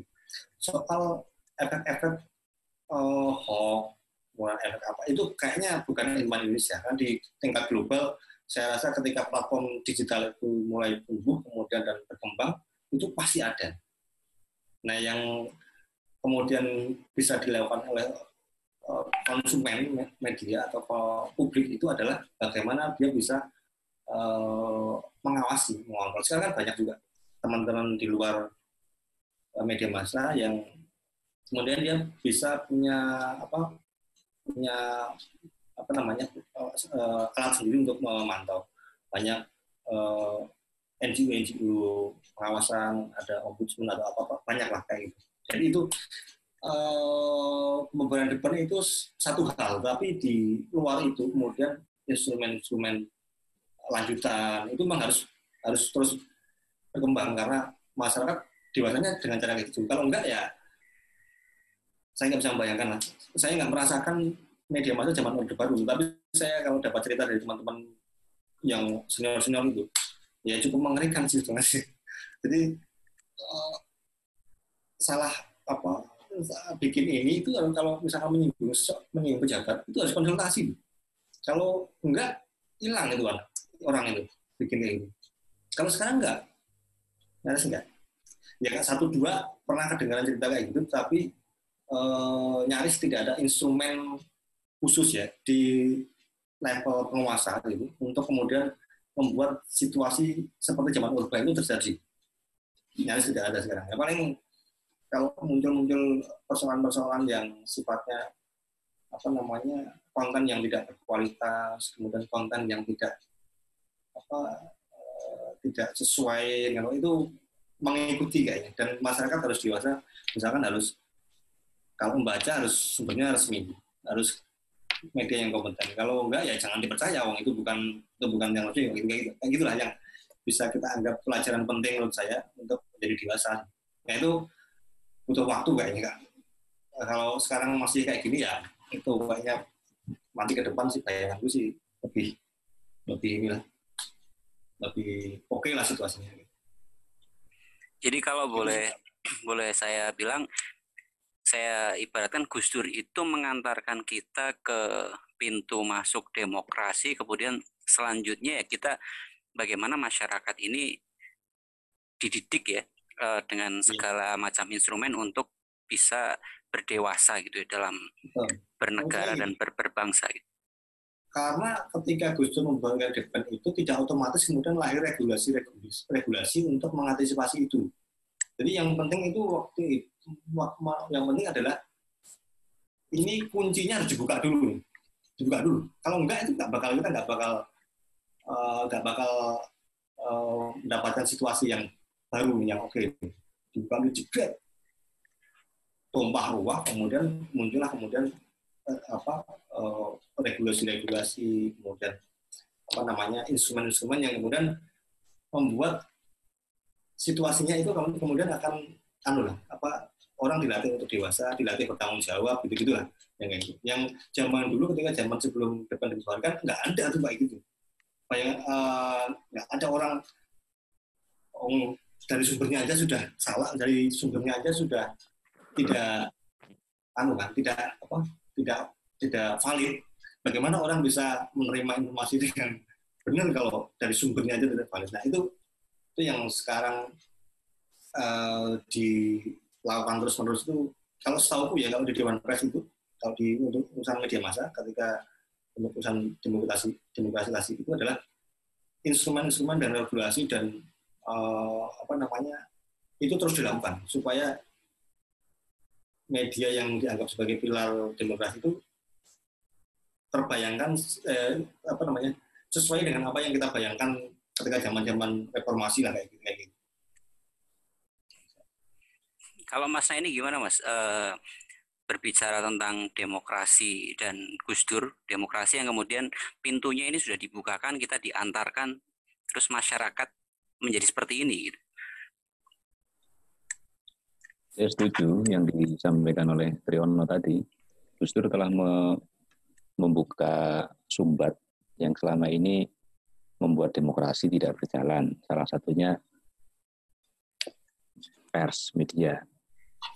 Karena penting kan dalam demokrasi itu pers bebas yang memungkinkan orang itu punya ruang untuk punya instrumen, punya medium untuk menyampaikan pemikiran, gagasan, opini dan seterusnya. Nah, kalau situasinya ternyata seperti sekarang ini ya ya siapa yang mengira ya? Mungkin ada yang mengira, tetapi tetapi saya kira kalaupun orang sudah mengira itu ini sebenarnya mungkin juga apa Gus kan dulu kan selalu ditanya apakah masyarakat siap. Gus selalu menjawab bahwa masyarakat siap dengan demokrasi. Karena beliau tidak mungkin menjawab masyarakat tidak siap dengan demokrasi. Karena itu akan memperlama atau apa menunda menunda menunda apa namanya menunda tibanya demokrasi. Nah, saat ini saya kira memang benar masyarakat orang manusia warga negara warga negara yang harus harus punya kecerdasan. Tapi kalau soal kecerdasan untuk memilih mana media yang apa namanya eh, reliable, mana media yang apa tadi istilah Mutri? Apa abal-abal.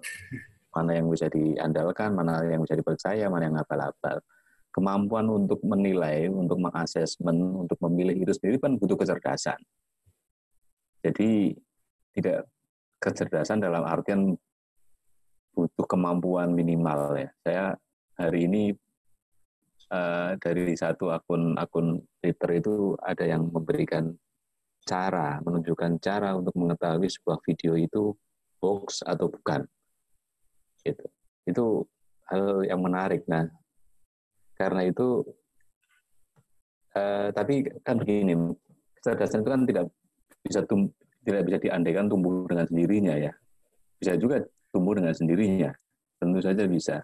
Melalui pengalaman orang jadi tambah pinter itu sangat mungkin. Tetapi kalau kita berbicara dalam konteks bernegara, karena demokrasi itu adalah selalu dalam konteks negara, dalam hal ini pendidikan yang menjadi tanggung jawab negara yang punya yang menjadi ruang untuk menunaikan tanggung jawab negara yang melalui pendidikan. Maksud saya, pendidikan yang kita dapatkan atau generasi di atas kita atau selevel kita atau bawah kita itu apakah sudah memungkinkan kita warga negara untuk cerdas dalam memanfaatkan media dalam mengkonsumsi media atau tidak memperhatikan itu sama sekali. Nah, kalau sampai di situ pendidikan tentu saja bukan hanya pendidikan pendidikan formal, SD, TK, dan sampai perguruan tinggi. Karena itu pun bukan jaminan. Misalkan orang itu terpapar hoax atau turut mensirkulasikan kabar bohong, itu tidak mengenal jenjang pendidikan, toh ya kan Tri? Iya. Kan banyak sekali profesor juga, dokter juga yang ya. makan hoax. Mau, mau nyebut nama nggak? Boleh disebut nama. rektor itu loh, rektor, rektor. Ada ya, kan rektor yang populer, yang sangat populer. Yang oh iya, iya, iya, iya, iya, iya, iya, iya. Sosiolog, sosiolog. rektor di Universitas di Jakarta ya, yang nama nama pengarang Mukaddimah. Nama pengarang kitab Muqaddimah. Nah, termasuk dalam hal ini ya pendidikan apa pun ya pendidikan pesantren termasuk. Atau bahkan pendidikan sampai level keluarga itu itu sangat penting. Jadi judulnya kira-kira dalam era seperti sekarang salah satu judul besarnya itu sebenarnya pendidikan sih menurut saya sih eh, apa? Nggak ada yang lain. Karena apa? Karena hanya pendidikan yang memungkinkan kita itu untuk mengupgrade. Upgrade cara berpikir cara bernalar. Keterampilan tentu saja kelihayan tentu saja. Tapi yang paling penting kan itu ya cara berpikir cara bernalar. Nah ini menjadi hal yang paling mendasar saya kira Tridono bendungan dibuka airnya ke mana-mana tumpah ruah nggak karu-karuan sampai eh, daya serapnya itu tidak cukup untuk menampung air yang berlimpah itu. Nah, contohnya dalam hal agama saja. Dalam hal agama, kan sering ini kita bertanya-tanya kok bisa ya orang itu percaya dengan Ustaz yang baru muncul kemarin sore atau mu'alaf yang dikasih panggung tampil kemudian ceramahnya begitu mempesona modalnya itu mencela agamanya yang lama. Ini kan soal pendidikan. Kok bisa itu seolah-olah kita itu kan posisi kita itu lebih lebih beruntung daripada mereka. Tetapi pada saat yang sama sebenarnya tanggung jawab pendidikan itu yang yang harus disadari menjadi masalah, masih menjadi masalah bahwa ada orang yang percaya dengan hal-hal tertentu dan hal-hal tertentu itu sebetulnya tidak bisa dipercaya, itu sebenarnya tanggung jawabnya kena kembali kepada kita. Maksudnya kita itu ya orang lain, orang lain yang turut prihatin misalnya. Kayak kayak kita itu kan sok ngelus dada, padahal ya awal dewi barang itu ya sebenarnya ikut uh, apa jenenge kebagian dusone lah kira-kira kan begitu. Kayak dulu kalau kita berorganisasi itu sering membicarakan organisasi kita. Seolah-olah organisasi kita itu banyak masalah, kita membicarakan sebagai orang yang tidak ada masalah. Sama kira-kira dengan situasi sekarang ini. Mirip-mirip lah, mirip-mirip. Gilaan dalam medsos kan sering ada istilah silent majority ya Tri ya. Silent majority itu yang kira-kira itu aku cocok karo sampean, tetapi aku tak malah menang. Aku ya bagian dari itu. Saya bagian dari silent majority kira-kira. Misalnya kemarin Jokowi versus Prabowo itu dua belah pihak kan sama-sama menggunakan term itu silent majority, silent majority begitu-begitu. Nah saya kira memang uh, sulit sekali untuk mengaktifasi kita sebagai warga yang aktif untuk menyampaikan apa yang hal yang benar sebagai bagian dari proyek pendidikan. Itu butuh butuh pendidikan tersendiri. Pendidikan untuk mendidik mendidik para pendidik pendidikan untuk mendidik jadi kalau menurut saya ini bukan situasi yang katakan uh, kacau atau begitu luar biasa lah medsos itu begitu. Kayak pasar yang nggak ada peraturan itu ya konsekuensi. Harus pertama-tama menurut saya nggak nggak kita menurut saya nggak perlu wah kok ini gitu. Menurut saya juga nggak perlu begitu. Itu sebagai ya fakta fakta. Fakta yang memang begitu. Area kita area kita sekarang itu ya seperti itu. Kita juga nggak bisa mengandaikan Gus Dur ada saat ini kemudian mampu menyelesaikan masalah itu. Ya nggak nggak fair juga. Belum tentu juga. Karena Gus Dur Gus Dur sudah menunaikan tugasnya atau yang antara lain sudah dipadatkan di dalam sembilan nilai Gus Dur yang di diusung oleh teman-teman Gus Durian. Terus kalau kita itu mau membayang-bayangkan Gus Dur bagaimana bersikap dalam kondisi seperti sekarang, rasanya apa ya? Ya kita sebenarnya Aji ini sebagai kader sahnya kader sahnya Gus Dur. Salah satunya Aji Triyono juga, saya juga Jadi uh, memang ini bayatnya kapan mas? Kayak ada caranya macam-macam. Gus Dur itu kadernya banyak dan cara bayatnya mungkin lain-lain. Dan banyak nah. gitu-gitu. Mungkin saya kira begitu. Nah kalau karena Mas ini tadi menyebut soal pendidikan yang menjadi kunci ya di, di zaman seperti sekarang ini dan Mas Nani sendiri sebagai seorang akademisi kira-kira melihat institusi pendidikan sendiri sekarang apakah uh, sudah bisa dianggap punya sebagian lah mungkin nilai yang dulu dilakukan oleh Gus Dur? Ya paling tidak di, kalau menurut saya belum ya. Ini jawaban cepatnya itu belum.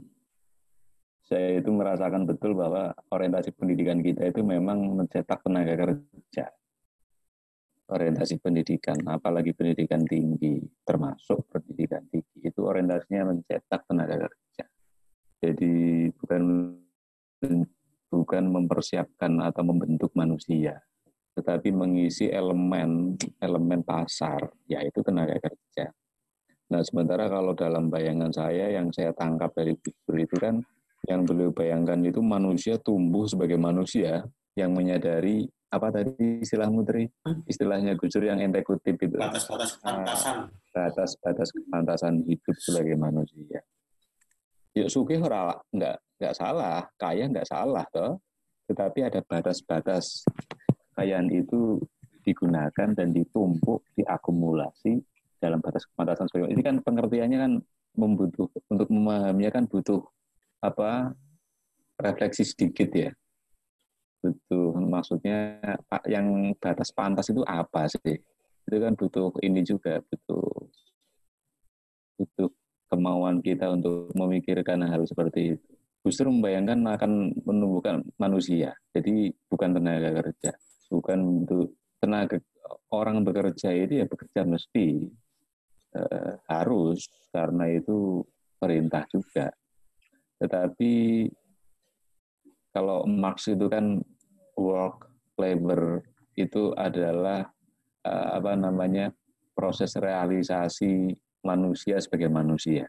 Jadi yang namanya kerja itu adalah wujud dari cara manusia untuk mengekspresikan kemanusiaannya kira-kira Mas Triyono itu mengekspresikan kemanusiaannya sebagai jurnalis atau Aji juga begitu. Aku dari wartawan itu rasanya aku di menungso tenan itu ya itu bukan yang sekarang kan lain paradigma pendidikannya itu eh, tenaga kerja itu adalah komponen penting dalam yang komponen penting untuk menentukan tingkat pertumbuhan ekonomi. Ukurannya kan begitu, Tri. Jadi pendapatanmu, pendapatanku, Aji, Rodri itu dihitung sama dengan GDP. GDP sama dengan negaranya maju pora kan saya nggak tahu apa ono negara sing ngono tapi ono ada buku yang menarik apa namanya uh, the geography of bliss atau the geography of happiness geografi kebahagiaan negara yang paling bahagia itu konon mana itu Burma apa ya Finlandia Bukan, bukan bukan negara Eropa, ada di Asia. Aku kok lupa. Indonesia gak, Indonesia gak masuk. Indonesia itu indah surga. itu enggak. indikatornya apa mas sebagai negara bahagia yang disebutkan di buku itu? Uh, uh, yang jelas bukan hanya ekonomi.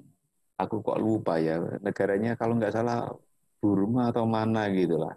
Jadi ya karena konsepnya kebahagiaan, bliss. Jadi bukan kesenangan ya ada aspek ininya juga, aspek spiritual.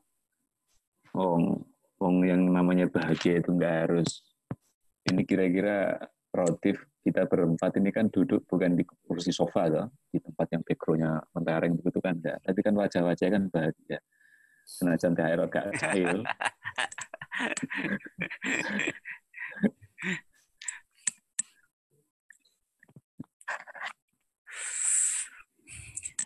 Kalau Mas, Mas Haji, uh, mungkin ini Mas uh, dari teman-teman Gus Durian sendiri mungkin punya apa ya sesuatu yang diharapkan lah masyarakat sekarang ini tumbuhnya itu seperti apa gitu loh sehingga teman-teman Gus Durian uh, dengan apa yang sudah dikonsep itu bisa sinkron gitu loh kan tentu kan sebagai sebuah komunitas ingin menyampaikan sesuatu gitu loh ke masyarakat. Memang apa sih yang yang di, diharapkan gitu? Entah itu masyarakat secara luas atau elit politiknya atau kelompok-kelompok agama gitu.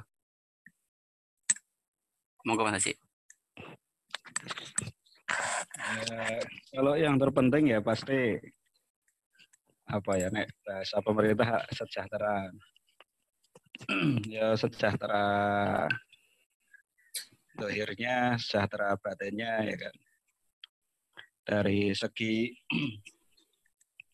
dari segi apa misalnya uh, soal gizi misalnya ya tercukupi kemudian kesehatan juga fasilitas dan lain sebagainya uh, ada dan juga madai tapi juga juga yang tidak kalah penting dari tadi ya dari aspek fisik tadi juga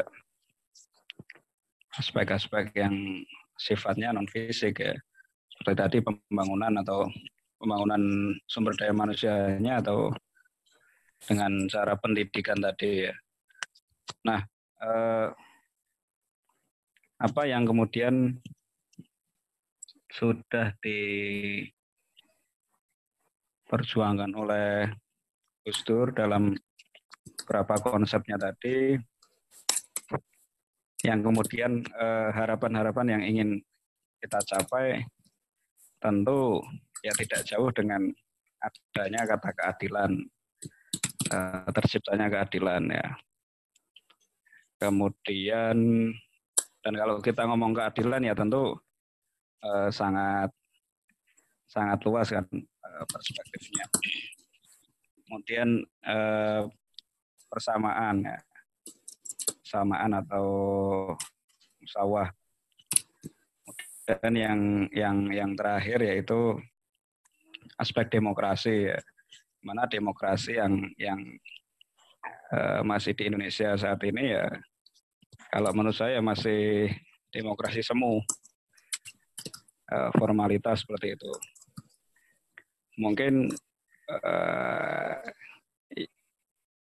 ya, le, ya masih lebih baik lah daripada orde baru, cuman uh, tentu harapannya ya pasti ya jangan kayak sekarang ya yang yang kemudian demokrasi atas hanya dimaknai hanya sebatas formalitas saja.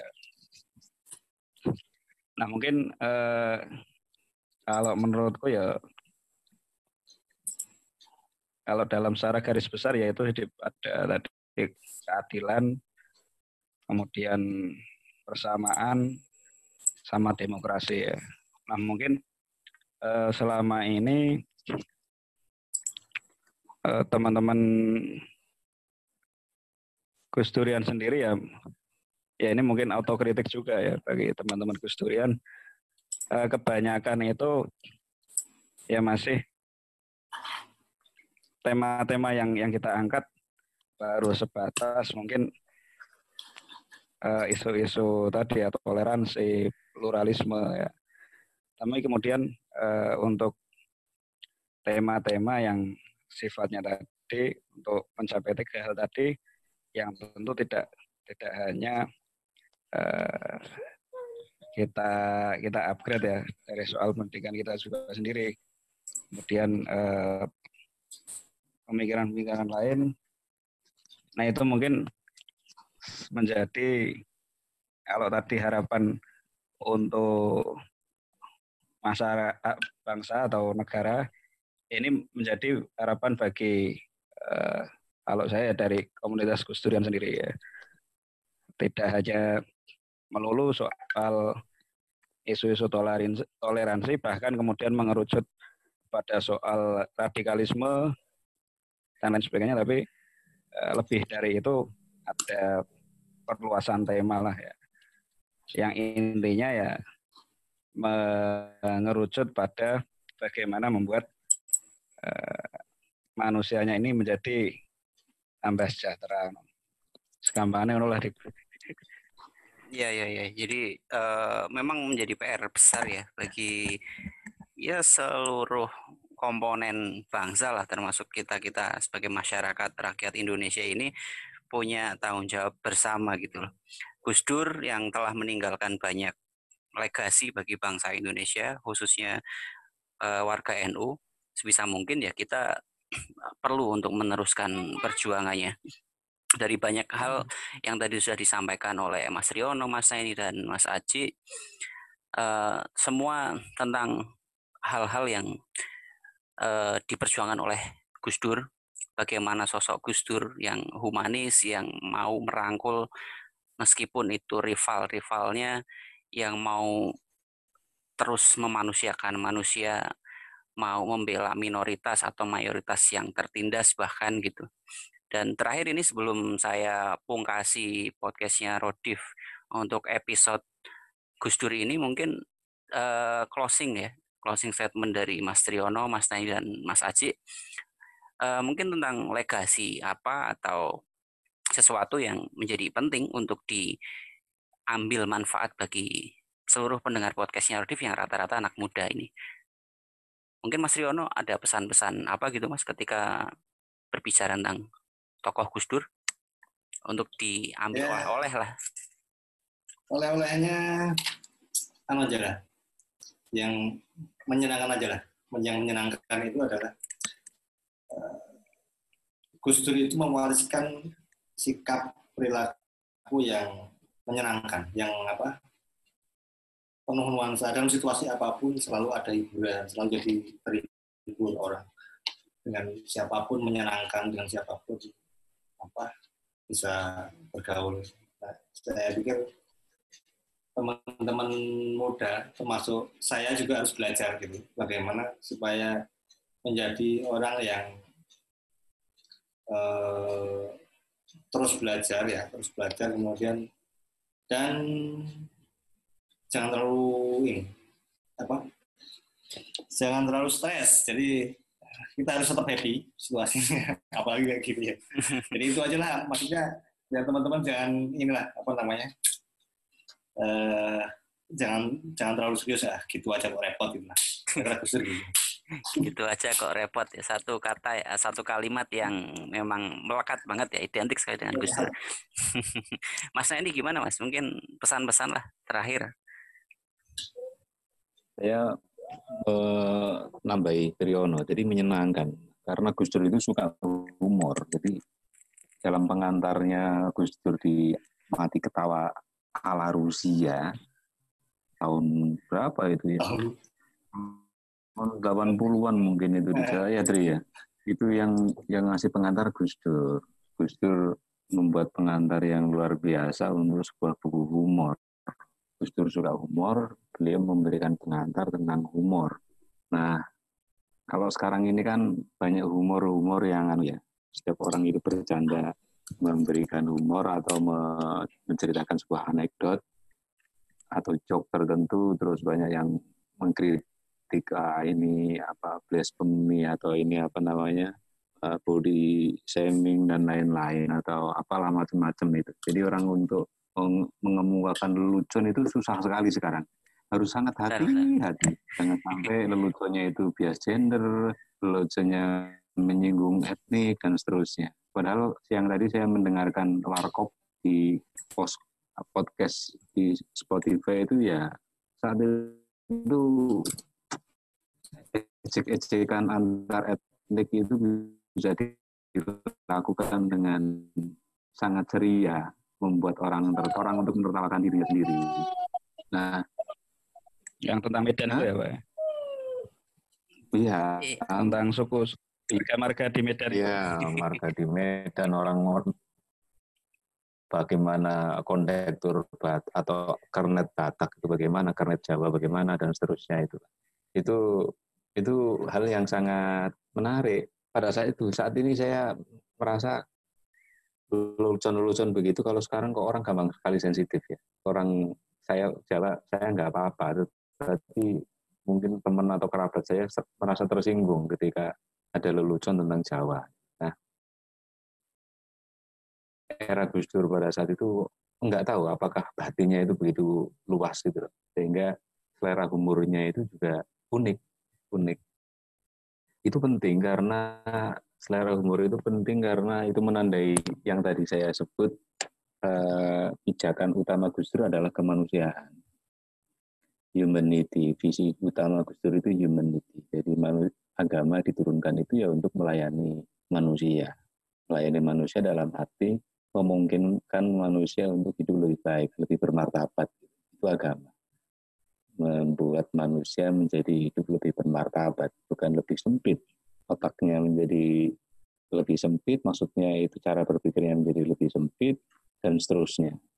Kalau agama begitu ya kira-kira kaum agamawan atau orang yang beragama itu gagal dalam dalam menjalankan agamanya. Saya kira itu saya kira itu Gus Durian juga lah sih ya. Saya kira cara berpikir seperti itu Gus Durian juga. Maksudnya sesuai dengan visi-visinya Gus Dur bahwa beragama itu ya prinsip dasarnya adalah humanity. Karena agama itu melayani atau menantang manusia, mengajak manusia untuk hidup lebih bermartabat sebagai manusia. Salah satu, salah satu cara untuk hidup dalam batas-batas kepantasan sebagai manusia ya melalui beragama. Kalau orang beragama kok kemudian suka mukul, itu gak pantas meneh. Artinya orang itu agak agak melenceng dari kesemestian dia beragama. Saya kira itu, Div. Oke, itu dari Mas ini mungkin terakhir dari Mas Aci.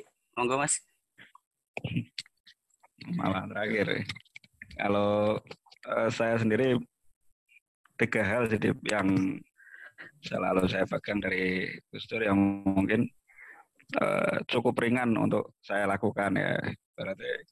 Dan untuk saya apa ajak teman-teman untuk juga ikut melakukan karena nggak berat lah itu kalau mungkin yang tadi soal kemanusiaan dan lain sebagainya itu mungkin wilayahnya Poro Kiai ya Mas Nah ini Mas Trian Iya, iya, iya. iya. kalau saya